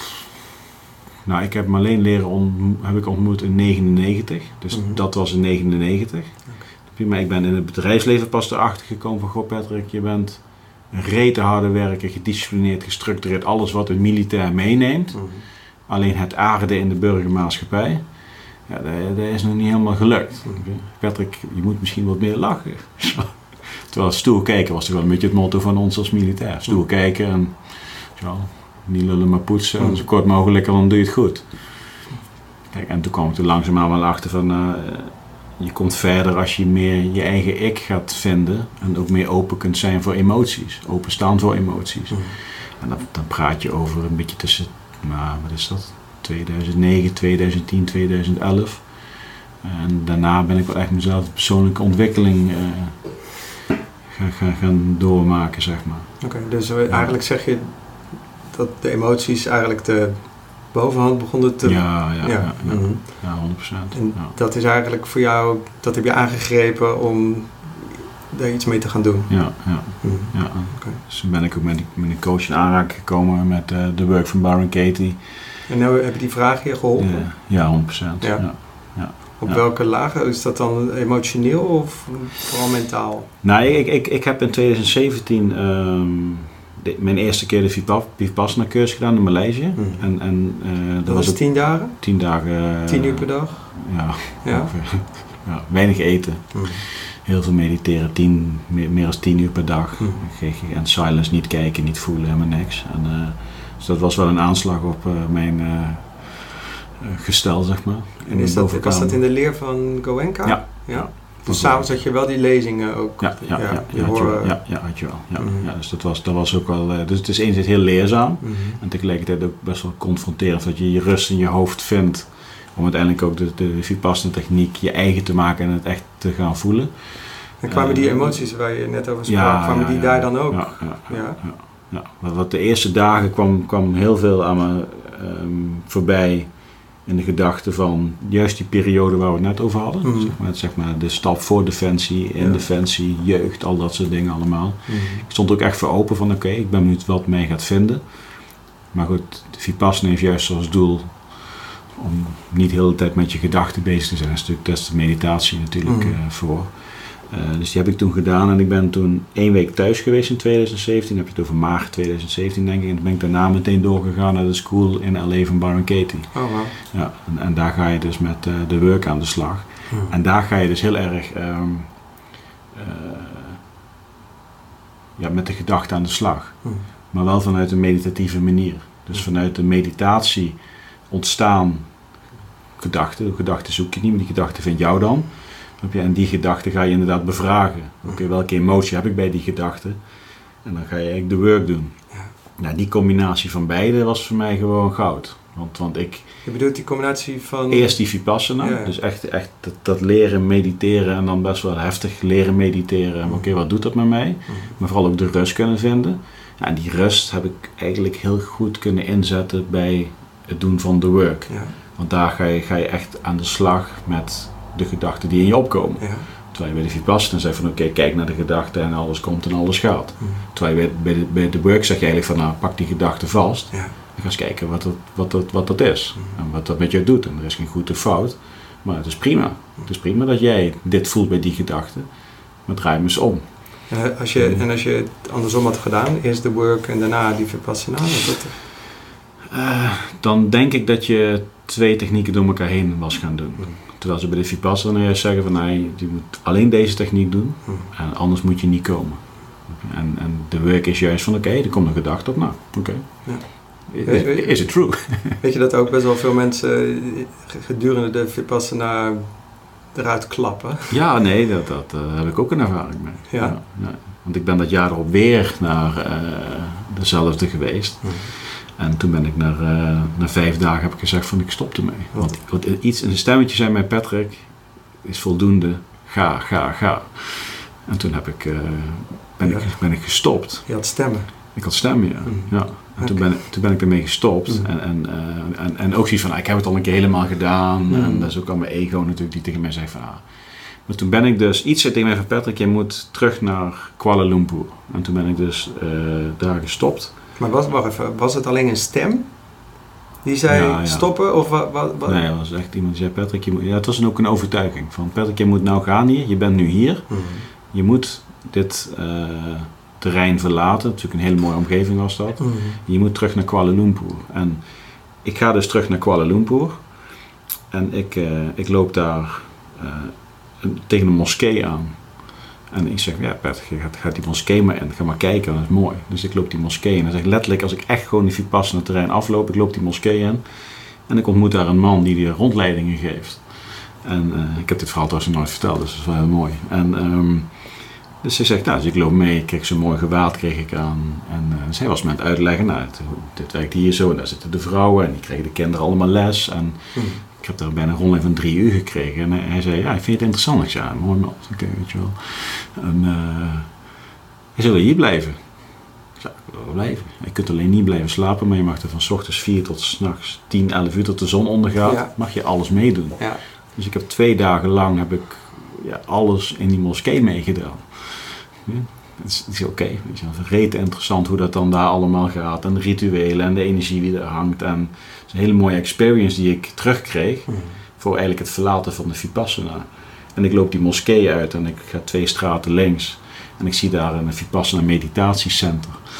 Wie gewoon op een wat uh, educatievere manier Vipassana doseert. Mm. Dan ben ik daar ook nog drie dagen geweest. Dus mijn tweede trip Vipassana bestond uit Vipassana plus die moskee plus een andere cursus. Ja. En dan geloof ik heel erg van ja, dat was de reden waarom iets tegen mij zei. Ja. Patrick, laat los, ga daarheen. Ja, nee, dat, dat, dat, dat, dat wil ik vragen inderdaad. Dus je, je hebt ook echt in, in je gevoel weten los te laten. Ehm, het vasthouden, inderdaad loslaten. en vervolgens komen er een aantal mooie ervaringen voor terug. En de drempel is ook Vipassana complex afkomen. Mm. Want je moet namelijk je rijbewijs, paspoort, telefoon, alles, alles inleveren. Ja, dat dus de drempel is naar die teacher lopen en zeggen van, nou ik ga. Geen bel, tingelingeling? Nee, nee, nee, niet zo nee, precies. Nee, en, maar, en, en, en het, de taak van zo'n teacher is mm. om jou binnen te houden. Mm. Want het doel van Vipassana is eigenlijk, ja, niet het doel, um, maar wat je vaak bij een Vipassana retreat ziet, van 10 dagen is dat je naar dag 4, 5 wil gaan. Mm. En dan is het juist van nee, je gaat niet weg, want we hebben jouw paspoort, die krijg je ook niet terug. Ja. Je gaat zitten, je gaat nog een dag proberen, want je zult gaan merken, als je nu doorgaat, ja. dan kom je in de staat van zijn waar je met Vipassana kunt bereiken. Ik had dat natuurlijk al een keer meegemaakt. En die man vroeg niet eens door, ik kreeg de spullen terug en ik kon gewoon gaan. Dat was heel bijzonder. Ik had me over alles ingesteld, allemaal, ik had honderdduizend redenen verzonnen waarom ik moest gaan. En had mijn halve familie al dat hij op sterven lag. Ik, kan maar wat, ik had de meeste scenario's in mijn hoofd. Oh waar komt het vandaan? Hè? Ja. Ik, en, en dat is en doe je die, want uh, als je pas naar afrondt, dan is het, uh, ja, dan krijg je eigenlijk een recept mee van een uur s ochtends en een uur s avonds ja, uh, beoefenen. Hoe, hoe staat dat met jouw beoefening op dit moment? Nou, ik doe het op de westerse manier. Ja, goed. dat is? Nee, ja, goed. Ik, ik, ik heb, ik heb um, er is bij mij een zaadje geplant op, op, wat betreft mediteren. Hmm. En dat kan zijn dat ik uh, uh, soms hier gewoon eens een half uur met mijn ogen dicht ga zetten. Hmm. Uh, maar ik, ik heb mezelf ook aangeleerd dat, dat autorijden meditatief voor me kan zijn. Omdat ik bewust mee bezig ben dan. Ja. dus dat heeft er mij wel gebracht. En um, nou, Vipassana beleiden zoals het staat in de boeken in onze huidige maatschappij is voor mij wel lastig op dit moment. En dat is ook een. Het past wel heel erg bij uh, je, de militaire mindset van afzien en doorgaan. En, want het is nogal wat. Ik heb het ook gedaan. Mhm. Het is nogal wat om tien uur per ook dag. Ook de tien dagen heb ik ook gedaan. Ja, in deel, deels in Stockholm in België. Tien uur per dag te zitten. Ja. ik weet niet, mijn hele slaap-waakritme was daar echt volledig uh, omgedraaid. Ik, ik had het idee dat ik tijdens de meditaties de hele tijd weg aan het zakken was. En ja. s'nachts lag ik klaar wakker. met zulke ogen lag ik in bed. En dan om vier uur ging weer die, bel door de, door, de, door de gang heen. De stem van Goenke. Ja, ook dat, ja. En dus ik voelde me daar ook tot aangetrokken. Ik oké, okay, nou hoppata, Naast alles wat ik al in India had ervaren. Dit is ook lekker. Tien dagen knallen en dan, uh, dan word ik nog sneller beter. Dan krijg ik nog sneller inzicht. En uh, wat ik vooral merkte na die tien dagen was heel veel uh, gevoeligheid. Mm. Dus, nou, dat zei ik net al, hè, ik ben in mijn ogen best gevoelig. En dat was heel erg toegenomen na die tien dagen. Mm vooral lichamelijk ook. En ik voelde best veel, ehm, dus ja, prikkels heel erg binnenkomen. Dus ik vond het heel lastig om na die tien dagen weer een klein beetje uh, af te kunnen schermen. En ik ben er later achter gekomen dat, dat voor mij um, bijvoorbeeld uh, ja, mindfulness is wat milder, mm wat uh, kalmer, wat rustiger. En daar gaat het ook over. Um, ik was paar maanden, of nee, een paar weken geleden in een retraite in Duitsland. En dat was dan ehm, eh, ja, in de traditie van mindfulness. En dat is veel, weet je, je hebt s ochtends drie kwartier zitmeditatie. Daarna heb je een lezing. Daarna heb, heb je ehm, ontbijt en dan kan je gewoon na het ontbijt kan je met elkaar spreken. Er zit een werkmeditatie Mhm. in, er zit een wandelmeditatie in. Dus het is veel eh, breder. En eigenlijk is dan voor mij de overgang naar de, het dagelijkse leven veel minder groot. Want ik weet niet hoe jij dat hebt ervaren na die tien dagen. Was, was de overgang Ja, het, makkelijk eh, te doen? Dat is, eh, nee, dat is pittig. Ja, hè? Ja, maar wat ik, wat ik al zei in 2017, mijn eerste Vipassana, ehm, die ging best diep. Hm. Ja. Toen kwam ik dus thuis een week. Ging daarna naar de school in Los Angeles. En die week daartussenin waren mijn kinderen ziek. Eh, kwam papa thuis in een bepaalde staat van zijn. Ja, verschrikkelijk. Ja, ja. Niet dat mijn kinderen verschrikkelijk zijn. Nee, maar, dus, maar, Maar de, geluiden... De frequenties gewoon eventjes verschillend zijn. Ja, en waar had je Ja. dan vooral, eh, waar ben je vooral in getriggerd? Nou, gewoon heel erg. je- je- Ja, je, je, mist, je mist je rust. je mist de rust. Ja, ja. Mm. Ik, ik ben iemand die heel erg eh, behoefte heeft aan rust. Ik ben iemand die. Ik heb geen probleem om in het middelpunt te staan. En ik vind het ook heel erg leuk om van alles te roepen. Op een, op een rustige, gedegen manier en eh, gewoon prima. Maar ik vind het heerlijk om, om alleen te zijn als ik dat wil. Hm. Zeg maar. En zeker na zo'n zo'n zo'n tiendaagse in Maleisië, wat natuurlijk gewoon sowieso al een hele mooie ervaring is. Wat je in je eentje doet, dat vliegtuig in, dat Ja. gaan doen. De trip vanuit eh, Kuala Lumpur, het binnenland in en weer terug. Een cadeautje. Van je Ja, heerlijk, weet je Mm. wel. Ik zou, ik zou nu meteen gaan doen. Ja. Eh, mooi, weet je wel. Ja. Ja, dan land je op Schiphol en dan begint. Hm. Met alle respect, weet je wel. En dat is gewoon, die overgang is groot. Dus toen ging ik daarna naar, naar Katie. En dat is wel een beetje vergeleken hoe jij dat ook omschrijft. Dat is wat meer milder. in de maatschappij, zeg maar. Je gaat heel diep op persoonlijk vlak. Misschien ook wat dieper als met een Vipassana. Echt heel mooi is dat. Dat vind- je het ook heel erg interessant zou vinden. Eh, maar dan ben je wel actiever bezig. Ja.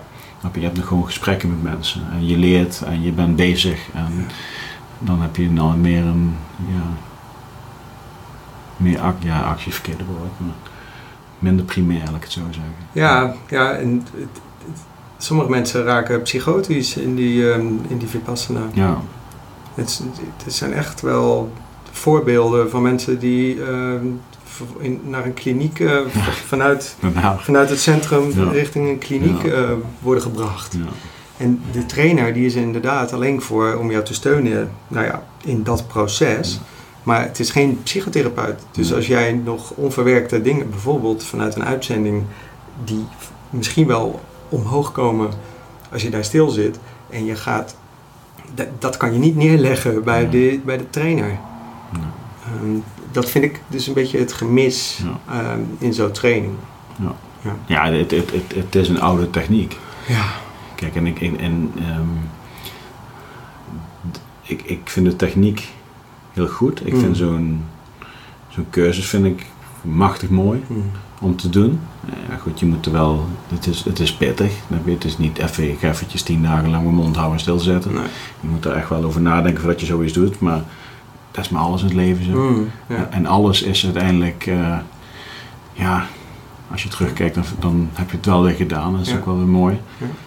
Maar het is niet een modern event waarin jij op bepaalde moderne manieren meegenomen wordt in je persoonlijke groei. Ja. Je moet echt vanuit jezelf komen. Ja.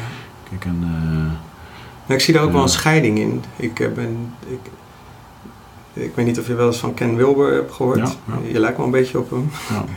De kale bats. ja, maar wat, Wij kale mannen lijken allemaal op elkaar. Eh, wat hij ehm, heel mooi zegt, is, er zijn een aantal ehm, eh, stromen die je kan onderscheiden. En, en dan noemt hij, je hebt het pad van growing up. mhm. Dus het, het, het opgroeien in je persoonlijke groei. En je hebt het pad van ehm, waking up. Dat zijn, daar spreken dan al die spirituele stromingen Mhm. over. Ehm, maar wat er vaak wordt vergeten is dat er ook nog een, een proces bij hoort. Dat is cleaning up. Mhm. Ehm, zowel in het proces van opgroeien als in het proces van eh, ontwaken Mhm. kan je gewoon shit tegenkomen. En volgens hem is het dan belangrijk, en dat resoneert bij mij wel, is dat je gedurende die fases dat die shit omhoog komt, dat je, daar, dat je moet werken eraan. Mhm. Cleaning up. Ja. En ja, vaak heb je daar dan gewoon, daar kan je hulp bij gebruiken. Ehm, afhankelijk dus waar het omhoog komt, ja, is het goed in mijn optiek om te kiezen voor iemand die dan aansluit om Ja. te kunnen werken met datgene wat je daar tegenkomt. En dat kan fysiek zijn, dat kan inderdaad eh, emotioneel zijn. Dat kan mentaal zijn, het, over, het, het, het overzetten van overtuigingen of veronderstellingen of van weet je, je mindset, eh, doelen stellen. Maar het kan ook iets spiritueels zijn. Ja. En ja. Ja, Ja. Maar, maar dat is met de work, zeg maar. ja dat sluit Daar aan. clean je echt op. Ja. En daar ben je echt. En, en, en wat je ook zei net, wat je, jouw rol, zeg maar, toen jij eh, vanuit je huidige professie mensen ging ondersteunen. Ja. Dat je eigenlijk ook meteen jezelf aan het helpen was. Ja. Dat, dat is met de work ook. Dus op het moment dat je iemand faciliteert, Ja. dan doe je eigenlijk gewoon de hele work mee met die persoon. Ja, mooi. Alleen je, je pakt je eigen gedachten. Mm. Eh, dus je zit niet in, die, je zit niet in zijn zaak of haar zaak. Dat is haar ding. Daar vind jij ook helemaal niks van. Dat is haar ding. Je pakt je eigen voorbeeld. Ja, en dat is wel heel mooi aan de work. Dat je echt gewoon bezig bent om continu jezelf eh, ja, te bevragen. En eigenlijk op, op te ruimen. Ja, ik gebruik ze ook wel hoor, de, Ja. de- die vier vragen. En soms zet ik ze ook in bij bepaalde eh, cliënten. Ehm. Maar niet heel veel. Nee. Maar ik, ik heb inmiddels zoveel in mijn rugzak dat ik, Ja. dat ik soms ook iets toepas wat, waar ik me comfortabel bij voel. Ja. Dus dan, ja, soms is het ook goed om daar weer wat buiten te, te gaan kijken. ja, Ja, ja. Het is ook mooi dat wij als twee veteranen hierover kunnen kletsen. toch? ja super. Ja? Ja. Ja, dat is mooi. Wat zijn de plannen voor de toekomst, Richard? Je bent steeds meer aan het schrijven op, eh, op LinkedIn. Ik zal ook wat linkjes trouwens in, in de podcast erbij zetten van een paar mooie artikelen die je geschreven Ja. hebt. Nou, wat ik, ik, ehm, ik wil heel graag ehm, de literatuurstudie die ik heb gedaan naar trauma en traumatisering en wegen naar herstel. Want trauma en de diagnose PTSS, posttraumatische stressstoornis, dat, dat is eigenlijk een beetje probleemgericht Mhm. kijken naar de symptomen. En ik heb net ook mijn eigen dingen verteld en zo. Maar wat, wat heel mooi is, en daar, daar hoor ik niet zo heel veel over, is dat er naast dat eh, als iemand iets heftigs meemaakt, komt er vaak ook een bepaalde mate van groei. Mhm. Ehm, en de positieve psychologie, die doet daar wel onderzoek naar. Alleen daar hoor je gewoon iets minder veel over. En er is dus ook een, een term, dat heet PTG, posttraumatische groei. Mhm. En ja, het schijnt dus dat naarmate de symptomen van PTSS ja, er zijn, hoe meer symptomen er zijn, hoe meer PTSS eigenlijk, Mhm. eh, hoe meer groei er ook mogelijk wordt. En dat is natuurlijk verdomd interessant. Ja. Ehm, waarbij je dus gaat kijken eigenlijk naar wat, ehm, wat zijn iemand zijn kwaliteiten, wat zijn iemand zijn krachten. Eh, volgens mij hebben we het dan over veerkracht en we hebben het over weerbaarheid. En Mhm. dat kan ook allemaal toenemen, ondanks dat er eh, symptomen zijn van traumatisering. En ja, je kan dus kiezen waar ga ik me op focussen. Ja. En wat ik heb gezien de afgelopen jaren, is dat focussen ehm, op wat iemand. Nou, dat is ook echt iets uit het leger. Ja. Maar in, in, in, de klinische praktijk zie ik ook gewoon dat als we gaan focussen op dingen waar iemand wel invloed op heeft en waar iemand wel kracht in ziet en als iemand wel al is het maar zo'n klein stipje kan plaatsen, dat, ehm, dat mensen gaan groeien. Dat, dat er weer dingen mogelijk worden. Ja. En, ehm, en om dan weer dat spirituele erbij te betrekken. Alle, nou ja, bijvoorbeeld het boeddhisme of het hindoeïsme of en alle de spirituele takken binnen die eh, stromingen, die zeggen allemaal eigenlijk, alles is één, hè? het komt allemaal op hetzelfde neer, Ja.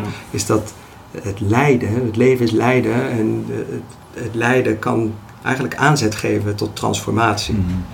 En wat ik een hele mooie metafoor vind, is, er is, er is iemand die heet Leonard Cohen, Mhm.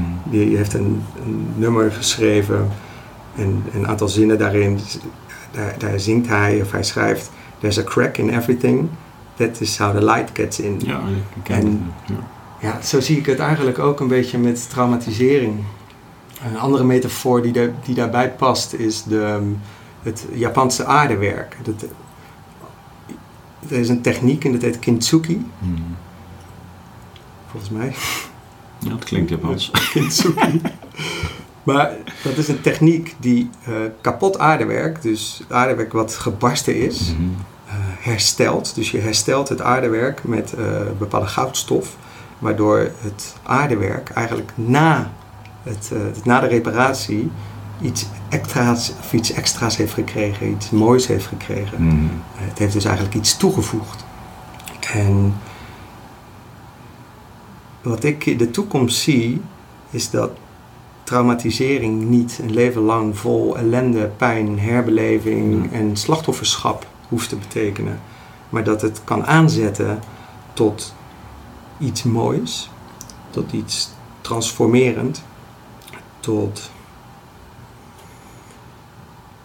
eh, misschien wel tot zijn. Ja. Ja, misschien is het ook wel niet voor niets dat je zoiets ervaart. In ieder geval in mijn ervaring. Mhm. Mijn ervaring heeft al die situaties, zeker waar we eh, in het begin bij stilstonden, hebben mij echt ja, op een zo ander pad gezet. Waardoor ik gevoelsmatig ehm, veel dichter, misschien wel veel meer leef. Mhm. En Ja, ik snap wat je bedoelt. Ja. Dus ik, ik, wil, ik wil heel graag ehm, die kant eh, onder het licht brengen. En ik, ik wil dus heel graag dat, dat mijn literatuurstudie, die wil ik eigenlijk gewoon publiceren in, eh, in een aantal artikelen. Mhm. Puur om de mensen die... Ik zie de hele tijd allemaal naakte meiden daar. Ja. Even serieus, ja, Ja. Ik, kan- ik kan er niks Oh, aan ja. Dat is leuk voor mijn vrienden. Ga even staan aan die kant zitten. Ja, ik zit aan de verkeerde wat een kant. goede plek hier, joh. Dat is de bakkersdochter. Ja. maar hoe kan je nou focussen als, als, als dat de hele tijd daar... Ja, Misschien moet je daar de camera even op zetten. Ik nodig meestal mensen die daarvan zouden kunnen genieten. Dus jij viel ook in dat profiel. Ja, maar het is helemaal in het moment. Ja, Oh, nu zijn ze weg. is dus weg. Ja. Ik zal voor de eh, luisteraars en kijkers een fotootje van onze uitzicht erbij doen. Dan kunnen ze zien waar we naar, eh, naar kijken. Ja. Moet ik even wachten maar even, even, even terug. Dus ik wil heel graag datgene ehm, wat ik heb eh, geleerd, Mhm. wil ik graag delen met, ehm, met ehm, ja, eigenlijk eh, iedereen die het mij wil lezen. Ja. En ik hoop heel erg dat ik, dat ik daarmee mensen kan ondersteunen en mag ondersteunen in transformatie Mhm. van ingrijpende gebeurtenissen. En ik merk al, door middel van, ik heb twee keer daar iets van de literatuurstudie eh, gepost. Ik merk dat dat eh, mensen aanspreekt. Ja. Ik merk dat ze ehm, ja, contact met me opnemen, berichtjes sturen. eh, en afhankelijk, sommige mensen die herkennen het van, oh ja, nu, ik zit bijvoorbeeld ook daar. Of, dus over die hele lijn kan het mensen aanspreken. Ja. En ja, ik hoop dat ik daar misschien wat vertrouwen in, in kan geven. Dat hoe zwaar het moeras ook voelt, hoe log of hoe vast je ook zit, dat er altijd wel mogelijkheden zijn tot, Ja. ehm, tot groei. Ja. Of tot ja, Vooruitgaan. vooruitgang. Ja. Ja. Maar bij, als je naar jezelf kijkt, Richard, ehm, ben je dan al op het punt dat je, als je terugkijkt naar. Want je hebt nog veel meer meegemaakt Afghanistan dan dat wat we gedeeld hebben. Dat schreef je ook in dat, dat, dat artikel. Dus daar kunnen mensen dan nog wel nalezen. Misschien komt er ooit een mooi boek, wie weet. Eh, vind ik ook wel een tip voor. Een mooi boek erover schrijven. Ik heb net twee scripts. Ik, ik kan geen pen en geen, geen laptop meer zien, Goed. heel eerlijk Dat is iets voor 2021. Maar dat jij dan eh, ook al die momenten en fases in je verleden, alles naar vandaag, eh, ziet als iets wat gewoon goed is en dat brengt wat jij nodig hebt. Kan je dat nog eens? Vraag dat nog eens. Dat is een lange vraag. Hè? Ja, dan ben ik wel echt afgeleid door. Moet gedenken, is, is er weer dan? Nee, ze is, is weg. hoor. Oh, oké. Nee, maar dat, dat, dat zeg maar, ehm, alles wat er op jouw pad is gekomen, Mhm. goed, slecht, fout, goed, maakt allemaal niet uit. Ehm, dat dat gewoon jouw pad is en dat dat het ding heeft gebracht Ja. naar wat je nu bent. Ja, 100% Ja. daar geloof ik in. Ja. Ja, en ja. Ik weet niet, heb je ooit van Joseph Campbell gehoord? Ja. De, de, de held met duizend gezichten. Ja. En het verhaal van de held. En ja, ja dat geloof ik. Maar dat is dan toch Ja. ook eigenlijk waar het om gaat. Ja, en wat, wat, Ja. wat ook, en zeker als je jezelf, in ieder geval, dat heb ik gemerkt, als je ook gaat mediteren en persoonlijk persoonlijke ontwikkeling gaat stimuleren en gaat zoeken en gaat lezen, dan heb ik geleerd dat het, het hoeft niet zo heel ver weg gezocht te worden. Ja. En je hoeft ook niet zo diep te graven. Er zijn een, aantal kernthema's waarin we sowieso als mens niet zoveel van elkaar schelen. Maar ook jijzelf hebt gewoon een aantal kernthema's en die kan je eigenlijk keer op keer gebruiken. Om bijvoorbeeld dat, dat, die situatie die ik omschreef met, met die raket. Mhm. Ja, het is gewoon knet, knetterheftig. Ehm, daar heb ik op verschillende lagen heb ik daarmee gewerkt. En het is niet dat ik het dan een plekje heb kunnen geven, want een plekje geven, dat klinkt voor mij als vermijden. Mhm. Het gaat meer om omarmen Omarmen. en integreren in Ja. je hele zijn, in al die bewustzijnslagen die ik net noemde. En je kan daar keer op keer weer mee werken. Hm. Ehm, Er is, een Dus- er is een grotere reden waarom jij dat moment hebt meegemaakt. Ja, ja, ja. Dat, zo kan je dat zien. Ja. Maar ik vind, wat ik vooral belangrijk vind is dat je hoeft niet zo heel veel te zoeken. De thema's in jezelf, dat is eigenlijk al voldoende om te groeien. En misschien wel, ja, te kunnen zijn. Ja. Dus die thema's, die, die, die ja. En, dat, en wat belangrijk is, is dat je dat, in mijn optiek, dat hoef je niet allemaal zelf te doen. Ja. Follow the simple directions. Ja, bijvoorbeeld. Ja. Ja, of soms is het goed om, om een handreiking te doen. Soms is het goed om advies te vragen. Ja. Soms is het goed om stil te gaan zitten. Zelfs in de stilte hoor je alles. Ehm, ja.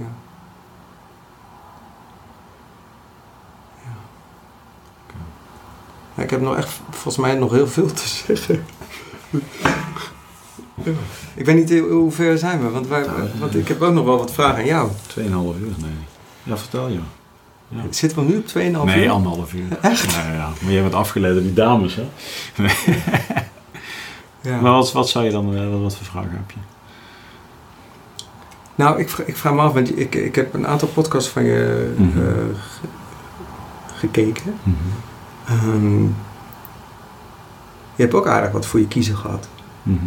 En ik vroeg me af, zie je, zie je dat ook zo? Dat de, de ervaringen die jij hebt opgedaan, dat, dat de ervaringen waarin je...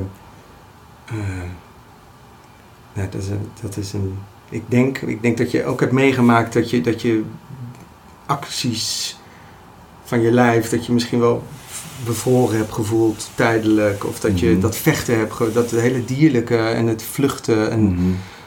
Ehm, misschien wat het, het schrikmomenten en de heftigheid en de rauwheid. En zie jij dat zelf ook als ehm, boost in je eigen bewustzijn? Ehm, het zijn sowieso unieke gebeurtenissen die me wel een richting op hebben geduwd. Dat is 100 procent. Mhm. En, eh, maar waar, waar ik, als ik naar mezelf kijk, ehm, en, en daar heb ik mezelf, daar, daar heb ik eigenlijk het meest over nagedacht na de uitzending. Eh, en, en dat is ook misschien wel juist die, die mijn echte ik, zeg maar, wie daar heel, erg in verscholen zit. Ehm, ik heb zo rationeel gewerkt daar. En, en, en dat is gewoon, ik was zo snel gewend aan geweld, mezelf, hoe ik daarin moest handelen. Het, het, wel heel goed aanvoelen met de mensen om me heen, mijn groep zeg maar. Mhm. Ehm, maar me zo grounded in die omgeving. Dat, dat ik gewoon, eh wij spreken in Nederland nog dacht van, god, ik ben heel erg benieuwd of ik een keertje extra moet schieten, bij wijze van spreken. Mhm. Nou, Tom Chris was net voor ons overleden met die aanslag in Derewood. Dus Mm. er was wel wat aan de hand daar langzaamaan. Maar je weet het nooit. Je bent drie weken in het gebied en vanaf dat moment is het tot de laatste dag op Kreta, bij wijze van spreken, iedere dag eh, vuurgevechten, aanslagen, IED's en rotzooi. Eh, ik heb heel veel geschoten. Mhm. Ik heb het allemaal bewust gedaan. Mhm. Het was gewoon precies zoals het hoorde. Mhm. En daar heb ik later wel heel veel over nagedacht. Van jezus Patrick, weet je wel. De, de factor eh, militair. Hoe, hoe diep die in mij zat. En, en, en zeg maar het...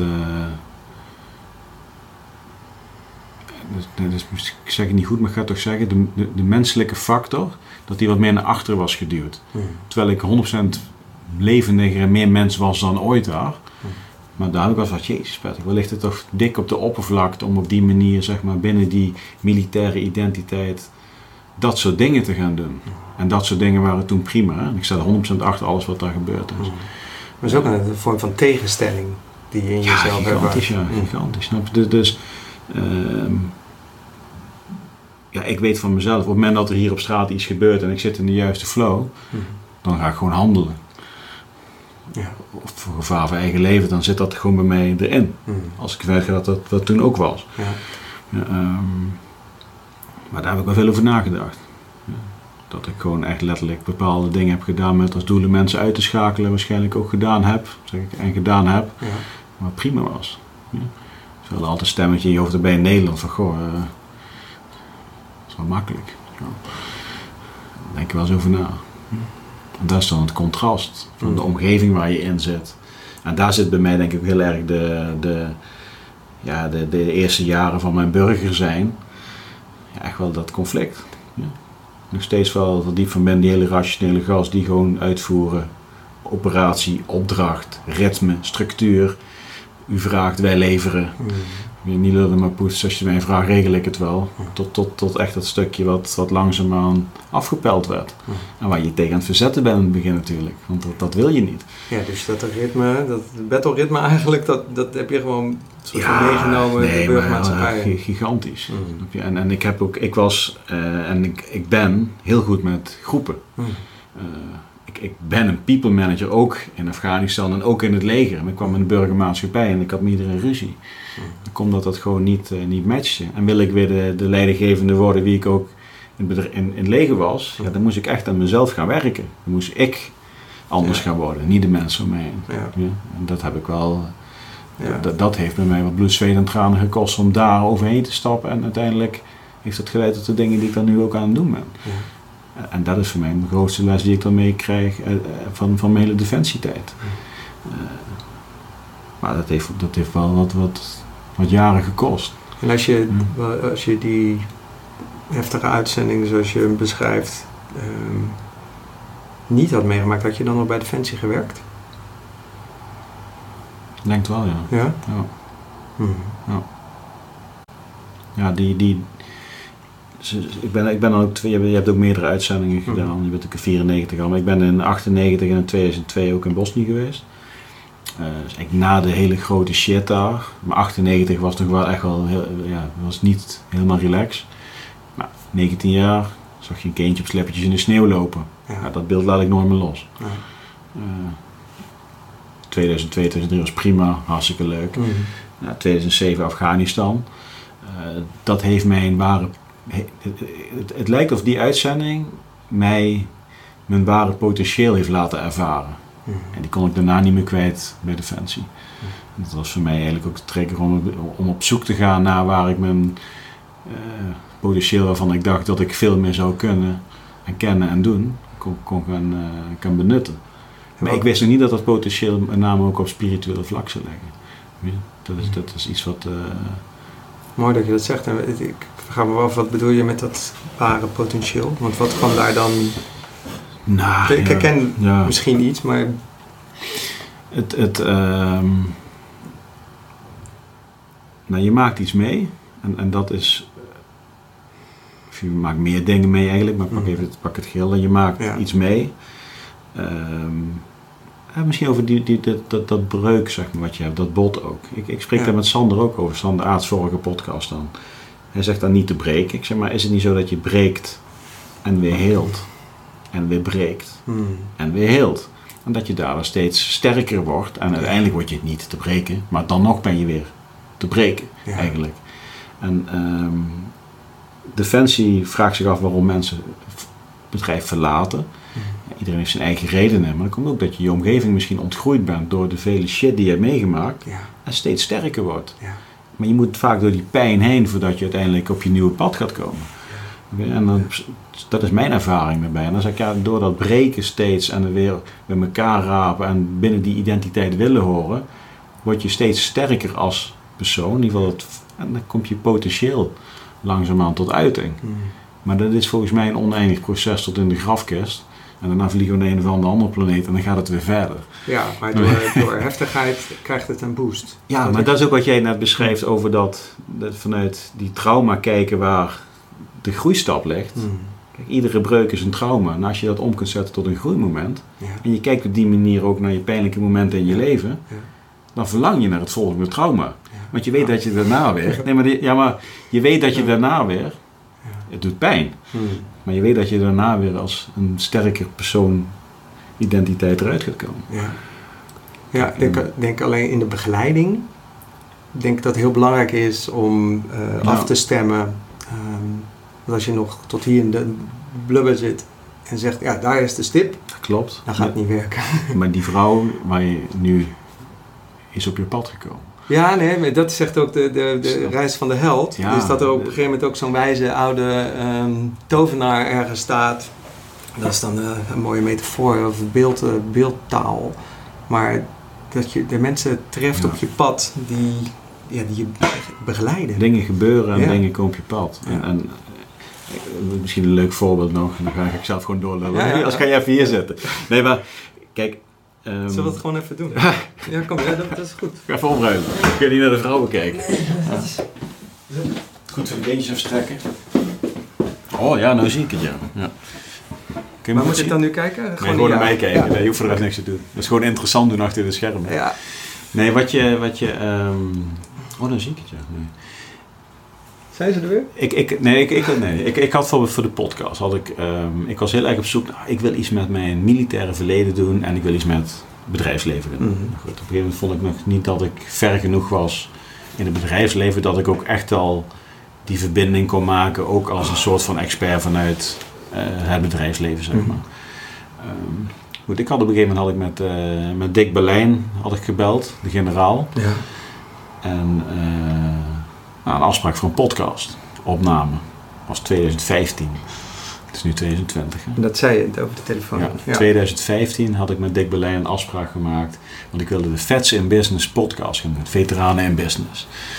Eh, ik heb dat gesprek afgezegd. Omdat ik vond dat ik nog helemaal niet business genoeg was.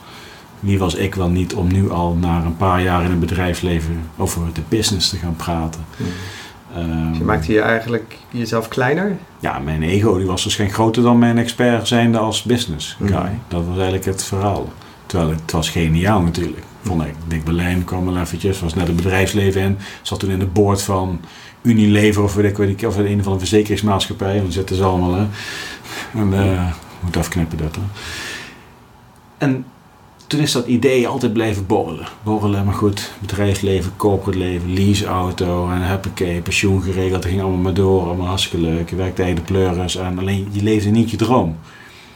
Maar goed, ik ben fan van de Eindbazen podcast van, van het eerste uur. Eh, en op een gegeven moment hadden hun Dick Berlijn in de studio. En toen dacht ik van, fuck, die gozer had ik drie jaar terug al. En kijk eens hoe groot de eindbazen nu zijn. En wat ik toen niet heb gedaan. Mhm. En toen dacht ik van, maar over drie jaar, als ik, als ik dan vandaag niet de keuze maak om het te gaan doen, over drie jaar, je, dan is er een andere Patrick Mhm. die naar mij kijkt van, goh, toen had ik, Mm. maar dan wil ik de eindbazen van over drie jaar zijn. Oké. En heb je Dick Berlijn alsnog gevraagd? Nee, niet meer gevraagd, omdat, omdat eh, misschien komt dat ooit wel.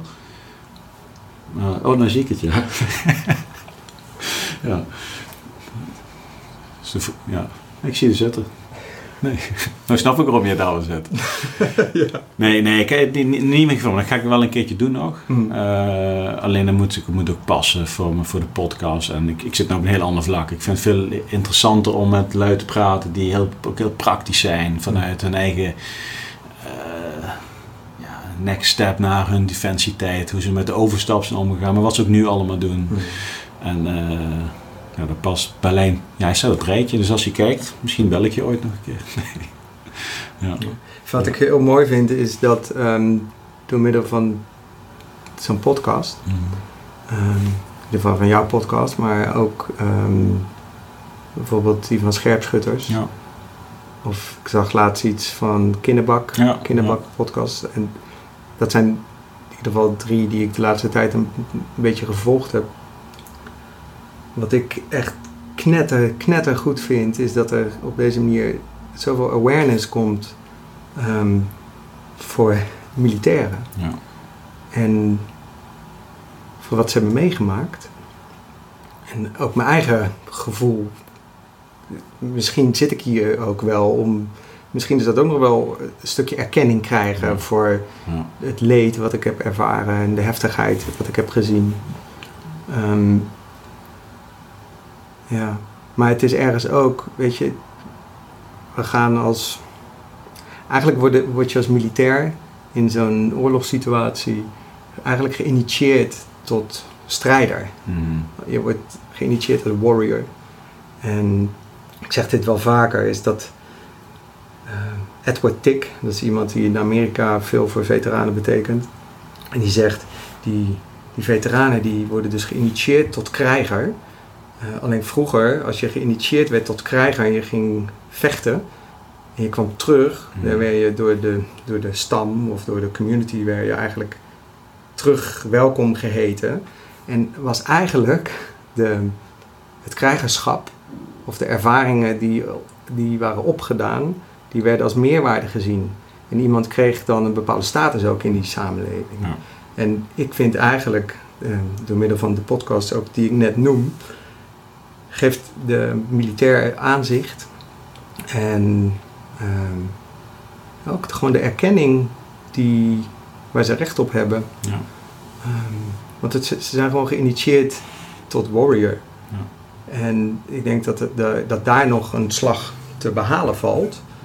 Hoe kunnen we dat warriorschap nu ook in deze samenleving een plek geven? Ja.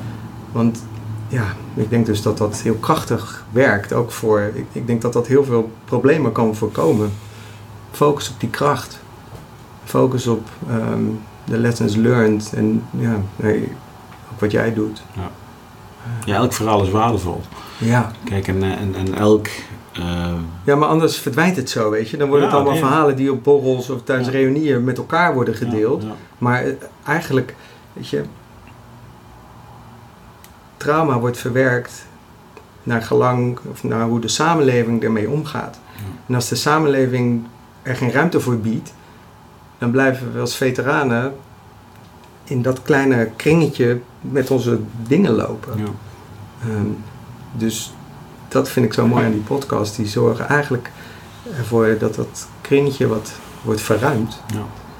En ja, misschien worden we straks wel opgenomen in die samenleving. nou, we zijn de samenleving. We zijn de samenleving. Ja, oké, ja. Nee, maar kijk, het wordt natuurlijk steeds meer mainstream. En dat klinkt uh, zo fancy, maar kijk, doordat er steeds meer kanalen zijn, iedereen op zijn eigen manier, zeg maar, hmm. uh, uh, met, met de veteraan praat. Kijk, ik praat voor mijn gevoel niet met veteranen. Ik praat met mensen die succesvol zijn of mooie dingen doen in hun leven of hun bedrijfsleven, hmm. met een militaire achtergrond. Ja.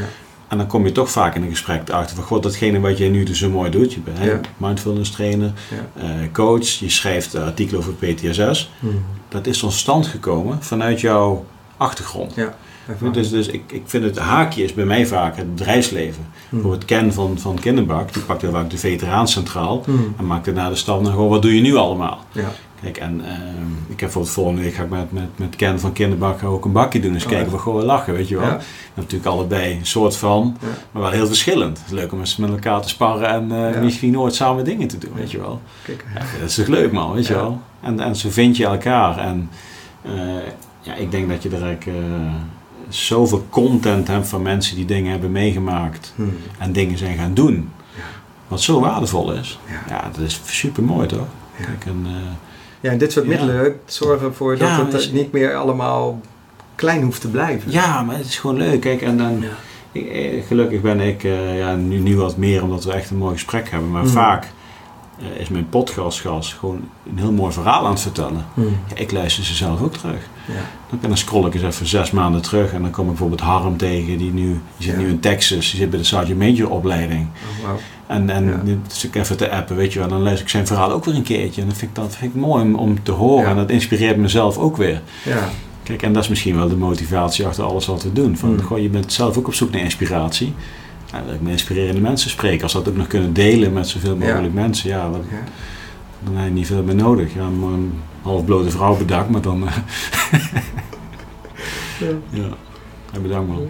ja, jij ook? Hebben we nog iets te vragen aan elkaar? Nee, maar misschien hebben we nog wel meer eh, te bespreken. Maar ik denk dat dat... Hoe lang zitten we nu? Waar zie ik dat? 1,50. Half één. 51. Ja. Ik denk dat het wel mooi geweest is. Ja. We kunnen al een keer een eh, vervolgje plannen. Ja, het, eh, over een jaar Ja. kijken of we dan... eh, Richard, bedankt. Bedankt voor je komst. yes. Bedankt voor je kwetsbaarheid.